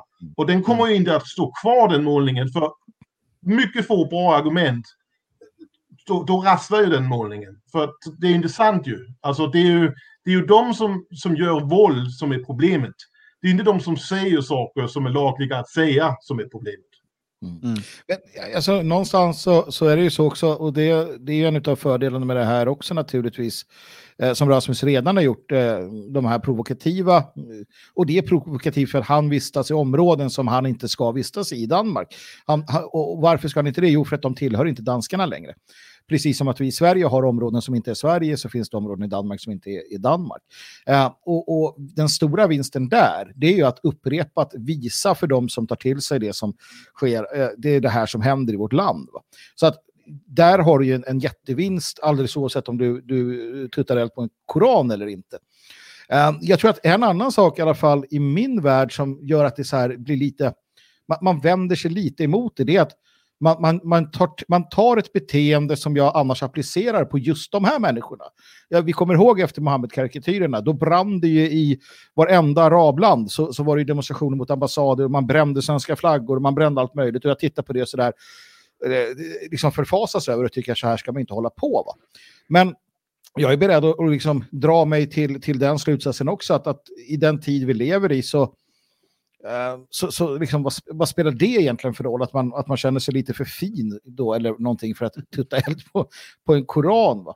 Ehm, så att nej, och, och jag köper argumentet just det här faktiskt att, att det har blivit vanligt att elda koraner i Danmark. Men jag tror också att det här är en dansk grej, um, mer än en svensk. Så jag tror inte att det går att applicera samma sak.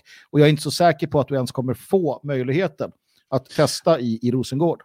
Ja, vi, vi kommer tala om det snart, för att det är intressant, för det finns en skillnad där mellan Sverige och Danmark. Det, det, om man ska problematisera lite grann så um, är det ju så att, uh, jag vet inte om det finns i världen, 1,6 miljarder muslimer eller något i den stilen. Uh, och uh, Många bor numera i Europa och jag, jag är helt med dig på att uh, liksom, de, de hör inte hemma här, utom i liksom vissa, vissa fall där liksom, det inte finns någon annan lösning. Men, men eh, eh, jag ser till till exempel det internationella arbete som, som jag har gjort med eh, stiftelsen Europa Terra Nostra där vi har byggt relationer med nationalister i Syrien till exempel som är eh, sekulära nationalister, de vill ha en sekulär stat och så vidare. Men de är, det är ju också muslimer, eh, det är kristna och, och det eh, finns en del andra eh, trosinriktningar också. Och eh, Alltså, det, det jag vill komma fram till är att jag tycker att man ska ha rätt att bränna Koranen. Jag tycker inte att vi ska ha lagstiftning emot det. Men frågan är om, om att, att, att uh, ta någonting som är så viktigt för så många människor. Um, och de, en hel del av dem, jag vill inte säga de flesta för det har jag ingen aning om, men många av dem vill oss inte illa, utan det finns till och med de som stödjer vårt arbete för ett eh, svenskt Sverige och ett europeiskt Europa. Um, Eh, att det, att det, liksom, det blir... Jag vill att det blir liksom onödigt, ska jag säga. Att, att, liksom, att, att, att, att, att jag, jag, förstår principfrågan. Det är liksom, jag liksom brottas själv i huvudet just nu. För Jag förstår principfrågan. Man måste kunna acceptera den typen av yttrandefrihet. Samtidigt eh, är det inte, eh, finns det inte också en, liksom en, en, en fara med att man eh, gör människor ledsna i onödan. Jag vet, det är svårt att formulera det här på ett bra sätt, utan att det låter helt idiotiskt. Jag försöker formulera det på ett bra sätt. Jag tror att du förstår vad jag menar, Rasmus. Ja. Jag, ja. Ja, jag skulle säga att det du egentligen pratar om är vad jag skulle kalla en, en geostrategisk position. Och, och det är klart, det finns ju en, en, en risk att sekulära muslimer blir ledsna, fast jag tror inte det är en särskilt stor risk för att att om man är en sekulär muslim är man inte särskilt mycket muslim. Så mm. jag, jag, jag skulle säga att, att klart 99 procent av de som blir ledsna och arga, det är folk som egentligen är muslimer. Och, och inte är sekulära, men som är vad en muslim är. Och, och det är ju ganska obehagligt om man läser Koranen och haditen och så vidare. Men ja, jag ser så här. Min uppfattning är att Europa blir invaderat av muslimer. Och de vill jättegärna ha att de får styra Europa.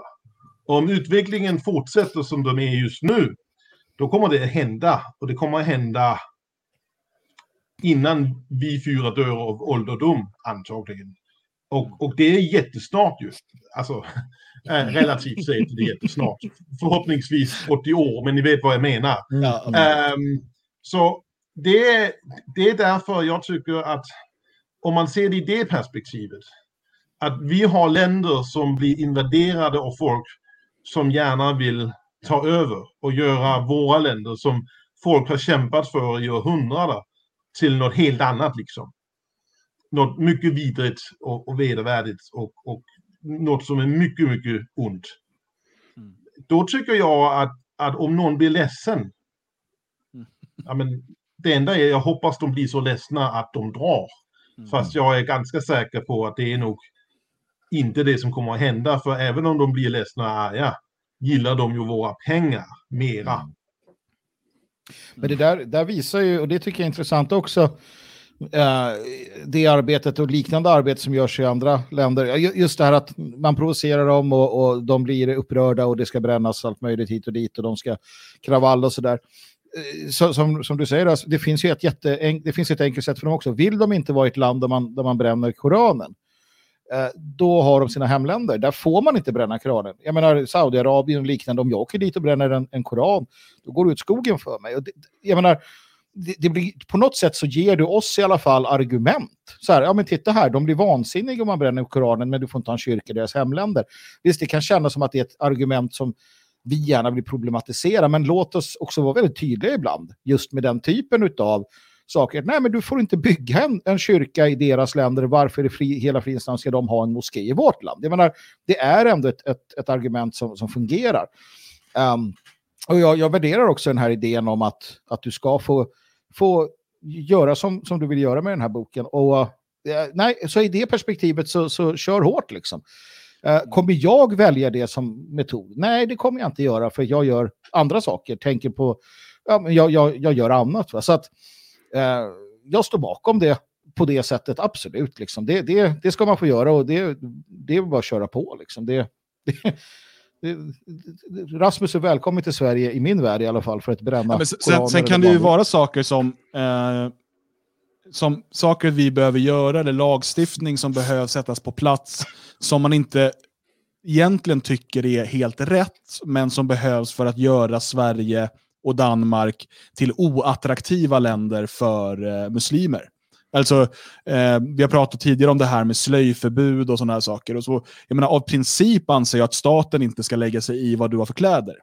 Mm. Men ett slöjförbud kan ha den, eh, eh, den effekten att muslimer inte vill flytta till Sverige. Eh, och om muslimer inte vill flytta till Sverige och inte kan känna sig hemma i Sverige, inte kan utöva sin religion i Sverige och därmed börja flytta tillbaka till sina hemländer, så är ju det bra. Eh, och jag menar, när Sverige är svenskt igen, när Danmark är danskt igen, eh, ja då kan vi såklart tillåta ambassadpersonal att ha slöja om de vill. Men vi kanske behöver ha, det blir lite proletariatets diktatur däremellan.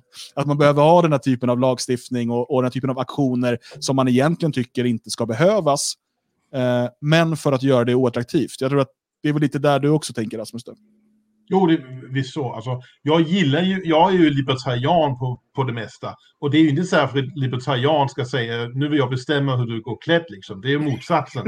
Men som du säger, man måste tyvärr ta hårda tag och göra saker som man inte gillar att göra, för annars går det åt, åt helvete liksom. Och det är ju det som är så. Man kan ju säga jättemycket som, som vi tycker ska göras i Danmark, där man säger det var inte mycket frihet i det där liksom. Och nej, det är inte det, men det är därför vi vill ha total kontroll med att det är danskar som bor i Danmark.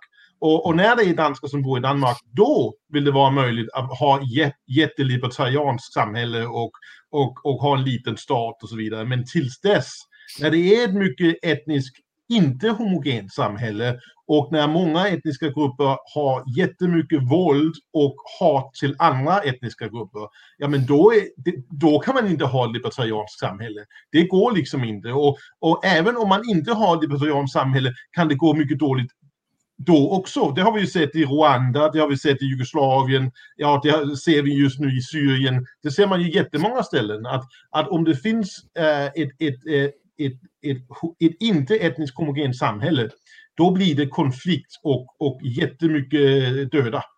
Mm. Jag, jag, tror också att en, en, en, sak här som är värd att ta upp, nu, nu har inte jag försökt och jag tänker nog inte göra det, men jag menar, eh, det är ju få religioner eh, och få sådär som, som är så, som blir så upprörda också. Det, det kan ju vara värt att, att visa bara det. Uh, jag menar, skulle, jag, skulle, vi, skulle du och jag, Rasmus, arrangera ett, ett evenemang där vi, där vi bränner Bhagavad Gita eller inte vet jag, någon, någon annan sån där eh, religiös skrift. Det är ingen jävel som skulle bry sig. Jag menar, där har vi ju någonting unikt också med islam. Det blir ett jävla liv om man gör det där. Då. Men indierna skulle säga, ja, ja men bränn vad du vill, liksom. Ahimsa på dig. Det, det, det, det, är just det jag har ju sagt, för folk har frågat mig, varför bränner du inte Bibeln och Talmuden, också Toran liksom, varför bränner du inte det? Jag har sagt, du, den dagen det är judar eller kristna som kommer och försöker slå ihjäl mig om jag gör det, då ska jag gärna bränna de böckerna också. Men det är ju det som är skillnaden liksom. Att det, det är ingen som gör det liksom. Och då, då är det ingen mening med det. Och, och um, alltså nu finns det ju saker i Nya Testamentet som jag gillar ganska mycket. Men jag skulle inte bry mig. Om någon muslim stod och brände, alltså jag, jag skulle inte bry mig alls liksom. Och det är en skillnad. Och det är ju det som du pratar om nu är ju en mycket, mycket stor skillnad på islam och nästan alla andra religioner. Att islam är en mycket, mycket aggressiv, konfliktsökande och erövrande religion. Och, ehm, och allt det som svenskar och danskar och norrmän och så vidare har gemensamt, att vi är ganska eh, lugna och inte gör så mycket våld och pratar om saker och så vidare. Det funkar jättebra om vi bara är svenskar och norrmän och, och danskar. Mm. Men det funkar mycket, mycket dåligt om det kommer några som är jätteaggressiva och inte är särskilt bra på att prata och, och komma överens genom att prata, men är jättebra på att förnedra, förödmjuka och slå på folk. Och det ser vi ju mer i Sverige än i Danmark, fast vi ser det också i Danmark. Att, att det är det som, som um, ungdomar från de här arabländerna och andra muslimska länder, många av dem gör jättemycket i, i Sverige mot svenska ungdomar. Och de svenska ungdomar har ju inte den kulturella bakgrund som är nödvändig för att liksom reagera. Om, om, man ha, om man hade det skulle det vara annorlunda, men det krävs ju liksom att man är jättebra på att slåss och också har cykeln att slå först liksom. Och tyvärr än så länge har ju inte svenska ungdomen det, men jag skulle gilla jättemycket om det, om det händer någon gång och jag skulle anta om utvecklingen fortsätter så här, då kan det hända ganska snart. Mm. Ja, jag får, får hoppas du har rätt i det. Um, det var ju här några dagar sedan uh, det kom ut att, att uh, du ska till Sverige 28 augusti uh, till Rosengård, eller ja, till Sver Rosengård som ligger i Sverige på något sätt. jag vet inte riktigt vad det är för någonting längre. men hur har reaktionerna varit? Har du blivit kontaktad av svenska säkerhetspolisen? Eller har du, har, hur har det sett ut efter det här? Alltså, eh, det verkar som att Dan Park, han står för själva kontakten med eh, polisen i, eh, i Region Syd, som är i Malmö också, Skåne. Mm.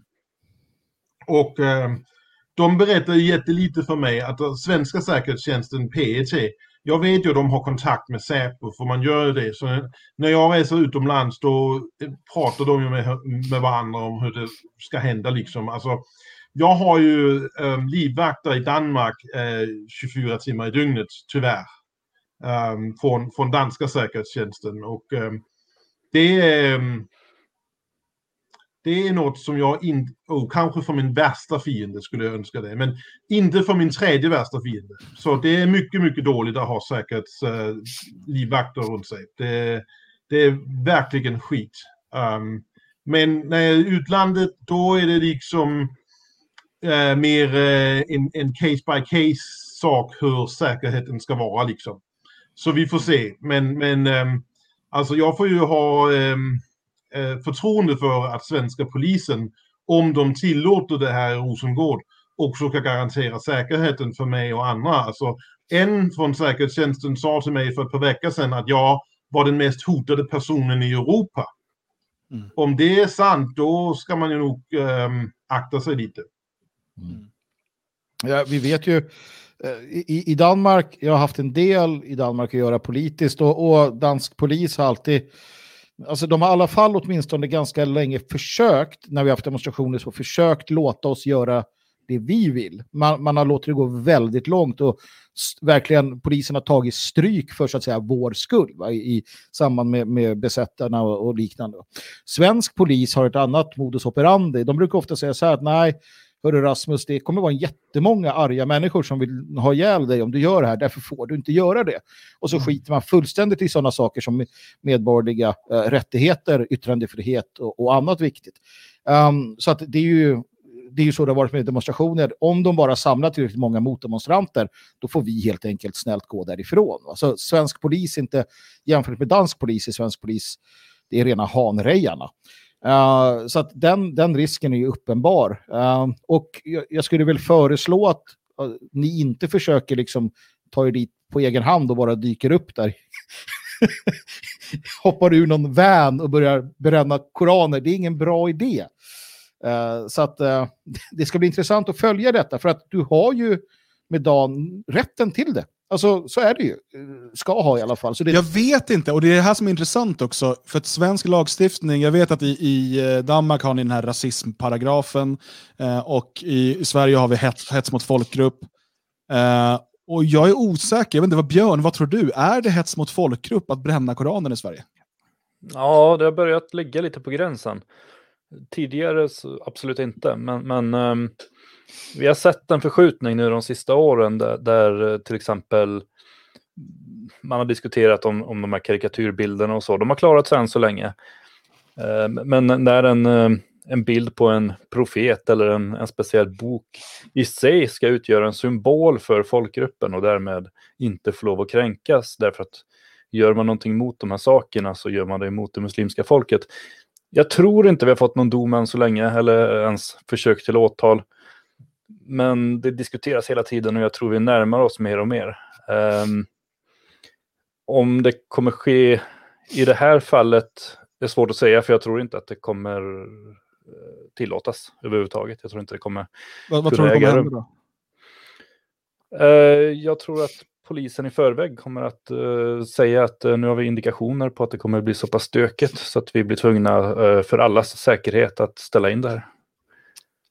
Men vi har en grusgrop i skogen där du kan nej, jag tror inte ens... utan kameror närvarande. Nej, jag tror inte ens de kommer erbjuda den grusgropen, utan det är snarare så att det kommer stå några konstaplar vid gränsen och säga att nu följer du med tillbaka på båten här och kommer inte in i landet. Mm. Så har man agerat förr när man inte vill släppa in människor som är obekväma. Tyvärr.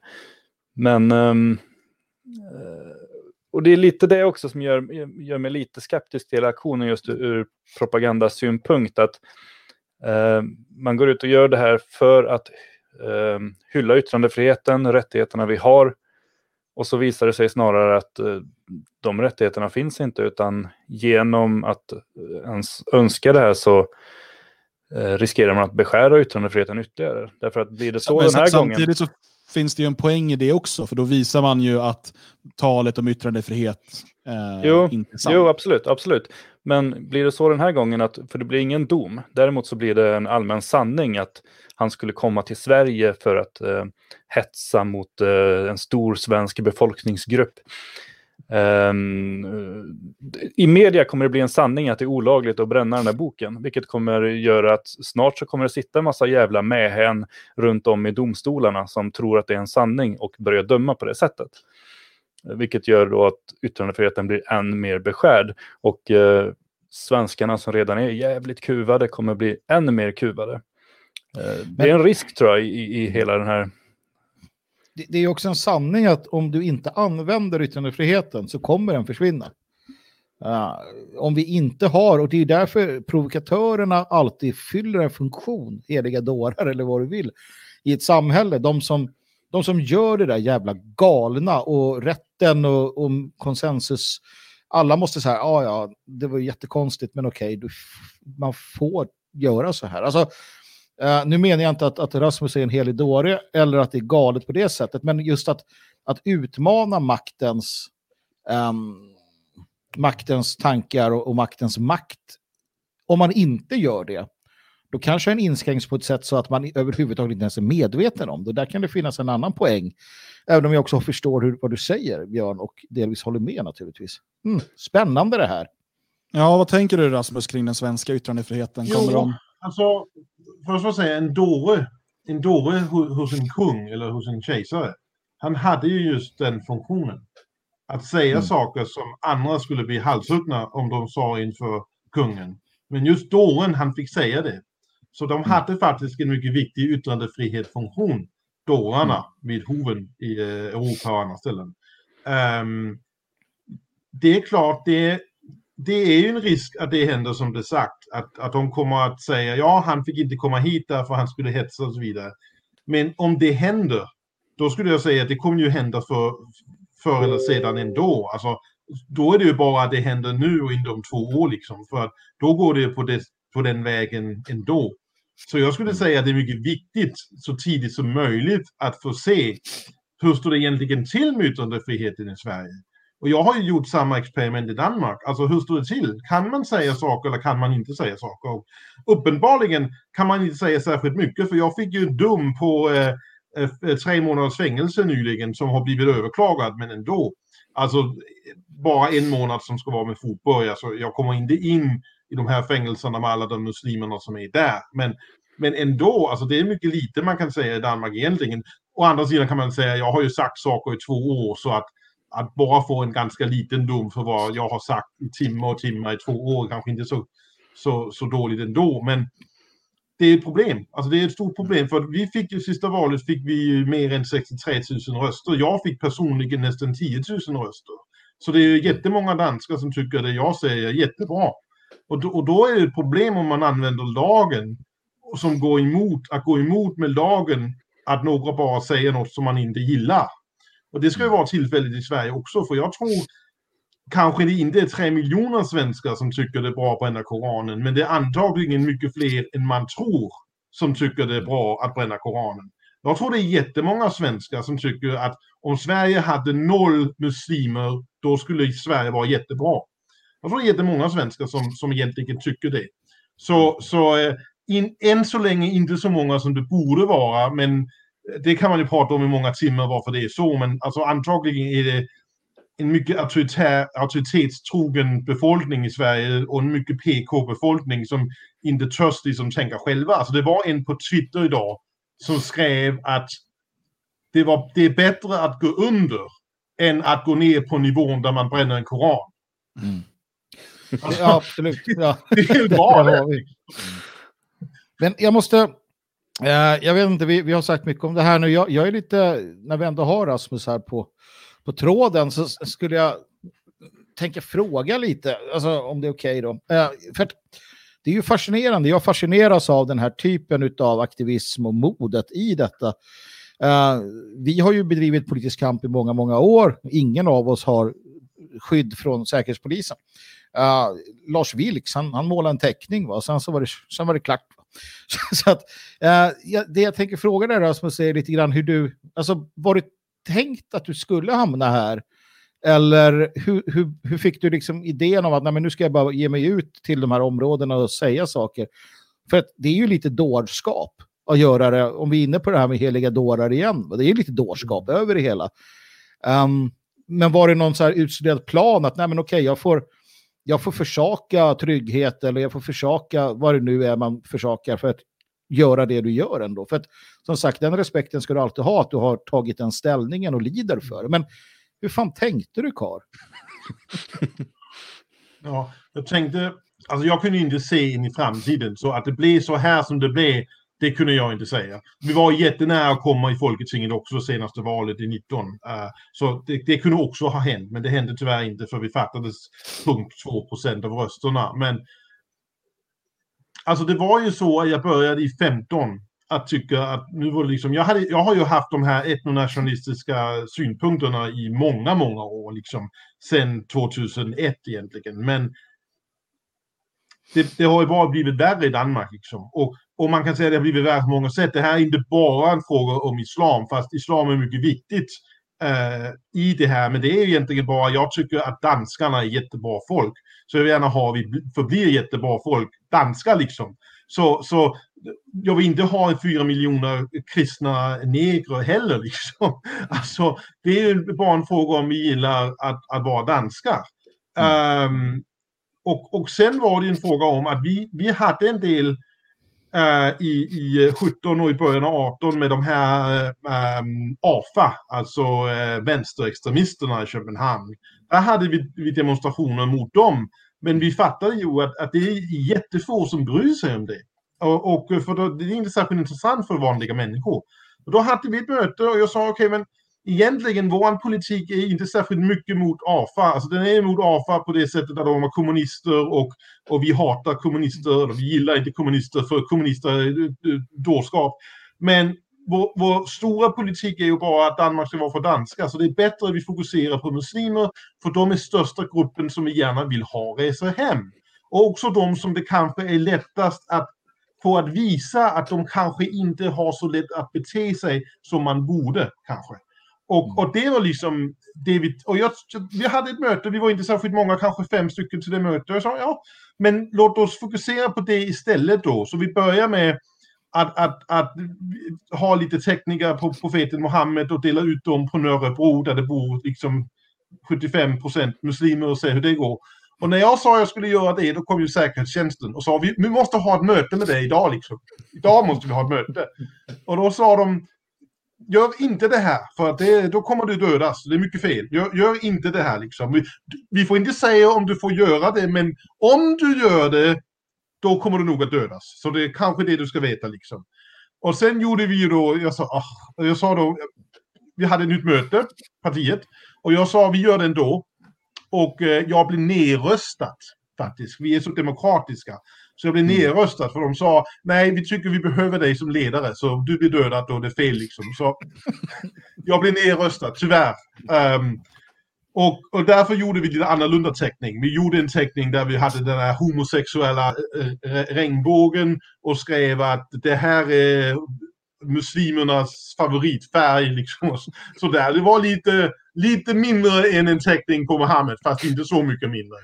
Och, ehm, och sen eh, ställde vi upp och det var ingen polis. Det var jag och tre andra och ingen polis på Nörrebro.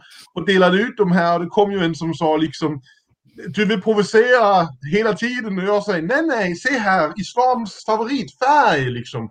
Och, och eh, det var... Um, sen fick vi ju ringa polisen för det, alltså det dröjde ju bara tio minuter, sen var det ju liksom som muslimer ofta är, är några åtminstone. Men så det var liksom början. Och, och, och den video vi gjorde från det, den blev ju sett jättemycket. Så jag tänkte, "Ja, men det här är bra. Alltså vårt budskap kommer ut, liksom, våra åsikter. Och vi får också visa att när vi säger att det finns ganska många muslimer som är jättevåldiga, då är det sant. Då kan man ju se, men vi behöver inte säga det, vi vill visa liksom. Så det var början. Och sen, det som liksom var stora startskottet liksom, det var ju i början av juli 18 där jag ville demonstrera i Våldsmose i Odense på Fyn som är topp två, kanske nummer ett värsta stället liksom. Och jag vill gärna demonstrera det att där jag vet att det var liksom mycket dåligt. Men jag fick ju veta, nej nej, du får demonstrera där. Och där var då det alla de vita rika bor liksom. Där får jag demonstrera. Så vi körde runt där, vi, det var ju liksom dumt att skulle göra det. Så när demonstrationen var slut, då tänkte jag, vi åker bara dit där vi ville demonstrera. Och sen gör jag en liten video och säger att det var fel att vi inte fick demonstrera här. Och det gick liksom åt helvete mycket fort. Alltså jag stod där en minut med en skottsäker väst på och sen gick det bara åt helvete liksom. Det kom ju då jättemånga muslimer och polisen kom emellan och det... Och den videon, den blev ju sett typ en miljon gånger liksom. Så det var ju, så såg jag ju, det är det här vi bör göra. Vi får ju visa vad som händer liksom. Och då kan man säga, har du inte visat det tillräckligt? Då kan man säga, alltså det händer ju nya saker hela tiden. För att den 5 juni, grundlagens dag, då var det ju en man från Libanon som försökte döda mig med en kniv. Det är ju ganska alltså, nytt. Och, och jag kan bara säga att, att, att stå med en sån där galning, alltså, ja, en mördare egentligen, en som försöker vara mördare åtminstone. När han står tre meter från någon person med en kniv och han vill döda mig, då känns det inte särskilt bra liksom. Då tänker jag att, att, att, att det går fel. Och, och svaret på det som du frågar om är ju också varför. Jag bara säger, jo, det är inte så bra för mig att jag ska vara, ha livvakter och någon vill döda mig med en kniv och annat. Det är klart, det, är, det gör ju mitt livs kvalitet sämre. Men å andra sidan, om vi inte gör något, då kommer alla danskar och svenskar att ha mycket, mycket dåliga livskvalitet ganska snart. Liksom. Och det är redan så för många danskar och svenskar unga. För när jag var yngre, då behövde jag ju inte gå andra vägar när jag skulle till skola och, och bli trakasserad och slagen av någon arg arab. Det behövde jag ju inte frukta, för så hände ju inte. Men det händer ju nu. Så att det finns ju många ungdomar i Sverige och Danmark som upplever saker som jag skulle säga är mycket mer förnedrande och förödmjukande och smärtsamt än det som jag blir utsatt för. Mm, Mm, det är intressant och, och som sagt, vad vi än... Jag ty tycker också att det var kul att du, att du är med idag just för att få den här möjligheten att prata med varandra och, och liknande. För hur den är så är vi, vi är i samma eh, uh, folla, vi är på samma sida. Uh, och, och det ska vara fan att vi ska liksom inte kunna, uh, kunna resonera kring det hela. Sen är det alltid intressant och roligt att diskutera uh, propaganda och, och vad som är mest, mest vettigt och, och, och så vidare. Men någonstans så måste vi ändå i grunden bara, bara komma överens om det. Att, nej, men, det är klart att man, ska, att, att man har rätt att göra det som du då vill göra. Och Dan Park och att eh, det är någonting som vi naturligtvis måste säga och, och, stå för. Att det är klart att han har rätt att bränna Koranen om man vill det. För att det har det och det är en princip som vi ska förs försvara. Eh, sen behöver inte alla bränna Koranen. det är inte så att det står människor på rad för att bränna Koranen eller några andra heliga böcker Eh, eller som människor uppfattar som heliga. Eh, men vill man det så får man det. Eh, så att, eh, nej, jag tycker det, det och, och, intressant att få höra lite mer om, om hur du tänker och funderar där. Och det hoppas jag vi kan göra igen här vad det lider. Um, Björn, har du några avslutande funderingar eller frågor till vår danske vän? Uh, ja, dels så såg jag i, i chatten här att någon jämförde att bränna Koranen med boken Fahrenheit 451. Eh, vilket alltså är en um, dystopi, en framtidsroman där man har förbjudit alla böcker, brandkåren åker inte runt och släcker bränder längre därför att alla bostäder är helt eh, brandsäkra utan brandkåren åker istället runt och bränner böcker. är grundberättelsen kan man säga. Och sen ska vi väl inte spoila för mycket av den. Uh, men fantastisk bok i alla fall som är värd att läsa. Um, men det här är ju inte alls samma sak, utan det här handlar ju inte om ett rop på att förbjuda Koranen, utan det här handlar ju om en symbolisk handling där man eh, vänder sig mot de bokstavstroende. Så det är ju inte alls samma sak. Det, det är lite som när man pratar om eh, de här gamla bokbålen eh, som, som eh, Goebbels var inblandad i. Det var inte heller en form av förbud utan det var också en symbolisk handling när man brände böcker man inte tyckte om. Och sen har det gjorts till att eh, man förbjöd alla böcker på samma gång. Det är fler böcker förbjudna i Tyskland idag än under tredje riket. Men det är ett sidospår. Det här är ju någonting helt annat. Alltså en, en, symbolisk uppeldning av en bok är inte samma sak som att man vill förbjuda folk att läsa böcker. Eh, vilket är ganska viktigt att eh, framföra. Um, i övrigt får jag väl säga att jag tycker det är jättekul att uh, du är med. Och uh, jag tycker att um, jag har fått en uh, annan bild av verksamheten och jag tycker det är fan vad kul att du kommer till Sverige. Jag hoppas att det blir lyckat. Jag hoppas jag också. ja, jag hoppas att det blir lyckat och att du, eh, eh att, att det omsörjs för din fysiska säkerhet, både i Sverige och fortsättningsvis framöver det är ju det är en skam i sig att det, liksom, att det ska behövas livvakter och, och eh, att det ser ut som en... Tyvärr är det det faktum vi lever i och vi konstaterar ofta det i de här programmen att vi måste spela med de kort som vi har tilldelats. Eh, det, det är så det är och eh, då måste vi hitta sätt att arbeta i den här situationen. Eh, har du någonting sista du vill säga Rasmus? Alltså jag kan bara säga, um, det finns ju uh, några som gillar jättemycket att, att ha etiketter liksom. Och de tycker de att jag har etiketten counter-jihadist eller något sånt. Och, och, eh, och inte är etnonationalist. Jag ska bara säga, om man läser partiprogrammet för stram kurs, då står det första ordet liksom att vi är etnonationalister. Så Mm. det kan inte vara så mycket tvekan om. Jag tycker man ska fokusera på, på det stället där man får mest bang for the buck. Alltså där man kan göra mest gott. Liksom. Därför bara säga, jag tycker att islam är en jättestor eh, problem mot eh, målet att ha ett eh, etniskt homogent samhälle i Danmark. Så det är därför fokus är där jättemycket. Och, eh, och då är det också andra som har sagt, tyvärr mest vänstern, men så är det med allt, att jag bara törs göra saker och säga saker när det är polis och, livvakter liksom. Jag vill bara säga, de första många, många demonstrationerna jag var mot eh, AFA och mot annat och också den här jag sa på Nörrebro där vi hade tekniker av eh, Mohammed eller vad det var, någon sorts. Där var ingen polis alls. Så det, det, får man bara komma ihåg att ja, jag har gärna gjort det, fast det är ju dumt om man går ut och man vet man blir dödad av någon arg muslim.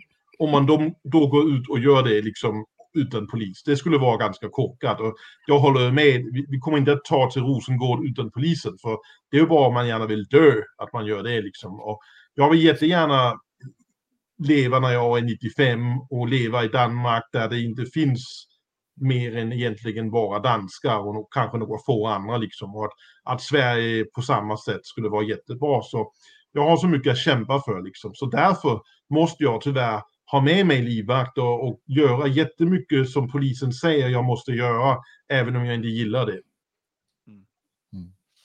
Ja, det är bra. Som sagt, eh, stort lycka till Rasmus. Kan man eh, följa ditt arbete på något sätt? eh, Eller är du avstängd Alltså, från vi har ju vi har en Facebook-sida fortfarande. Och det är mycket överraskande vi har det. Men vi har faktiskt en Facebook-sida som heter Stramkurs.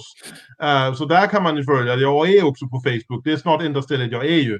Eh, Twitter det kan jag inte vara på. Men jag är på Facebook och vi har också en eh, Telegram-kanal man kan följa. Så, så det är, men YouTube och Twitter de har uh, släckt fullständigt för oss tyvärr. Men ehm, vi kan gå på Facebook, där är vi ganska aktiva. Och, och vi kommer förhoppningsvis, om vi får komma i Rosengård, kommer vi också livestreama på Facebook-sidan den 28 augusti. Det ser vi fram emot. Jag ska poppa popcorn och se, följa detta.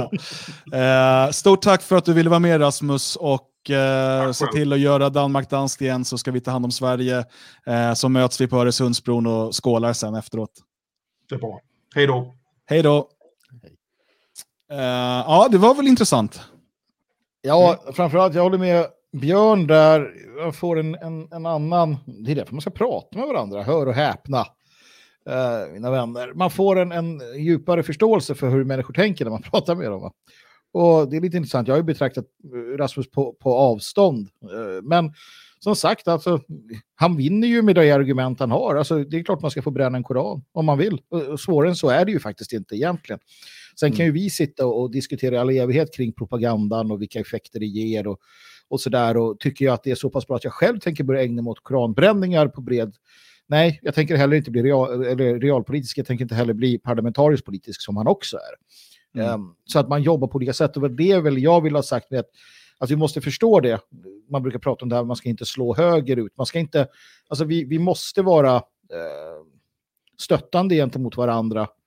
Eh, lite oberoende av hur vi väljer strategier. Va? Så att därför ska han ju naturligtvis få bränna Koran hur mycket han vill. Ja, absolut. Nej, och, samtidigt så är det alltid viktigt och ehm, ibland kanske vi gör det lite in absurdum, men det är alltid viktigt att problematisera saker och försöka vrida och vända på det. Eh, och så.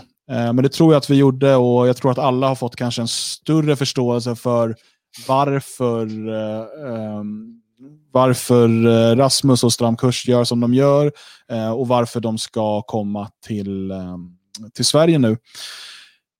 Björn, hur ser din vecka ut? Händer det något kul? Uh, nej, det gör det väl inte. Jag, Eh, jag kommer bara sitta och vänta på nästa måndag. Jag får sitta och prata igen. Jag ska väl prata någon annanstans tänkte jag eh, på, på min egen YouTube-kanal någon gång under veckan. Få se lite vilken dag det blir. Målsättningen är ju en film i veckan. Det misslyckas jag med jämt. Men eh, blir det mer än två veckor då är det riktigt uselt. Och usel vill jag inte vara så att någon gång under veckan kommer det en ny film. Mm. Härligt. Eh, Magnus, den här veckan har du mycket internt arbete att göra för föreningen, så kan vi väl säga. Ja, och det hade jag förra veckan också. Och jag undrar vad, vad som händer. Nu är det här, den här sändningen ska ni veta, det är lite av en sån här uh, oas uh, för en.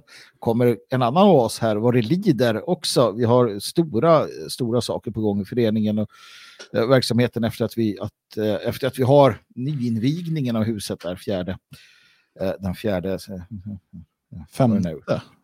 5 september. Mm. Um, men det blir internt, det blir Svensk Strävan, vår interna medlemstidning som ska uh, ut till alla för att det Mm. vankas, uh, vankas årsmöte och lite annat roligt. Extra årsmöte vankas det. Eh, Det här har Mm. ni som är medlemmar kunnat läsa om i protokollen redan, men det kommer ut en kallelse här i veckan digitalt och sen kommer den också hem i brevlådan. Eh, Och eh, då ska det röstas om eh, viktiga, stora förändringar i föreningen, så håll koll på det. Ehm, Det är en eh, intressant vecka med mycket arbete här framför oss, men vi är såklart tillbaka nästa måndag 20.00 via Radio Svegots YouTube-kanal och på Facebook och på Periscope och överallt där vi får sända, så länge vi får sända där helt enkelt. Det, det, det får vi se hur länge det blir. Eh, och eh, vem, eh, om vi har med någon gäst nästa vecka, det vet vi inte. Det kanske blir vi tre, det brukar funka eh, det också. Men kom ihåg att tumma upp den här videon, kom ihåg att prenumerera på den här nya YouTube-kanalen. Av någon anledning så måste vi skapa nya kanaler hela tiden för att de blir avstängda. Eh, och framförallt, organisera dig, bli medlem i Det fria Sverige. Gå in på detfriasverige.se och teckna ett medlemskap idag. Eh, då kan du också delta på nyöppningsfesten i Svenskarnas hus eh, och du blir en del av den eh, organiserade, eh, de organiserade fria svenskarna. Och nu skrattar du sådär igen, Magnus. Ja, men, när man säger den organiserade, det, det brukar följas av ett helt annat ord i alla sammanhang. Bli en del Ja. av den organiserade. Ja, jag tyckte det var jättekul. Det är svårt, alltså, nu börjar det bli jobbigt att prata. Eh, vi har ju haft ett möte idag, eh, internt möte, eh, på fem timmar. Där Mm. jag pratade mest tror jag. Eh, och nu två timmars sändning. Det börjar kännas i käkarna. Mm, mm. Det är som det är. Nej, vad kul att ni var med och, och tittade och lyssnade. Jag ska bara säga att omröstningen eh, är det rätt att bränna Koranen? 137 har röstat, varav 104 eller 76 procent röstade ja eh, och 33 eller 24 procent eh, röstade nej. Så över tre fjärdedelar. Ja, en är demokratiska beslut eh, nu fattat, därmed är det numera demokratiskt att bränna Koranen. Med det så säger vi tack och adjö och på återhörande.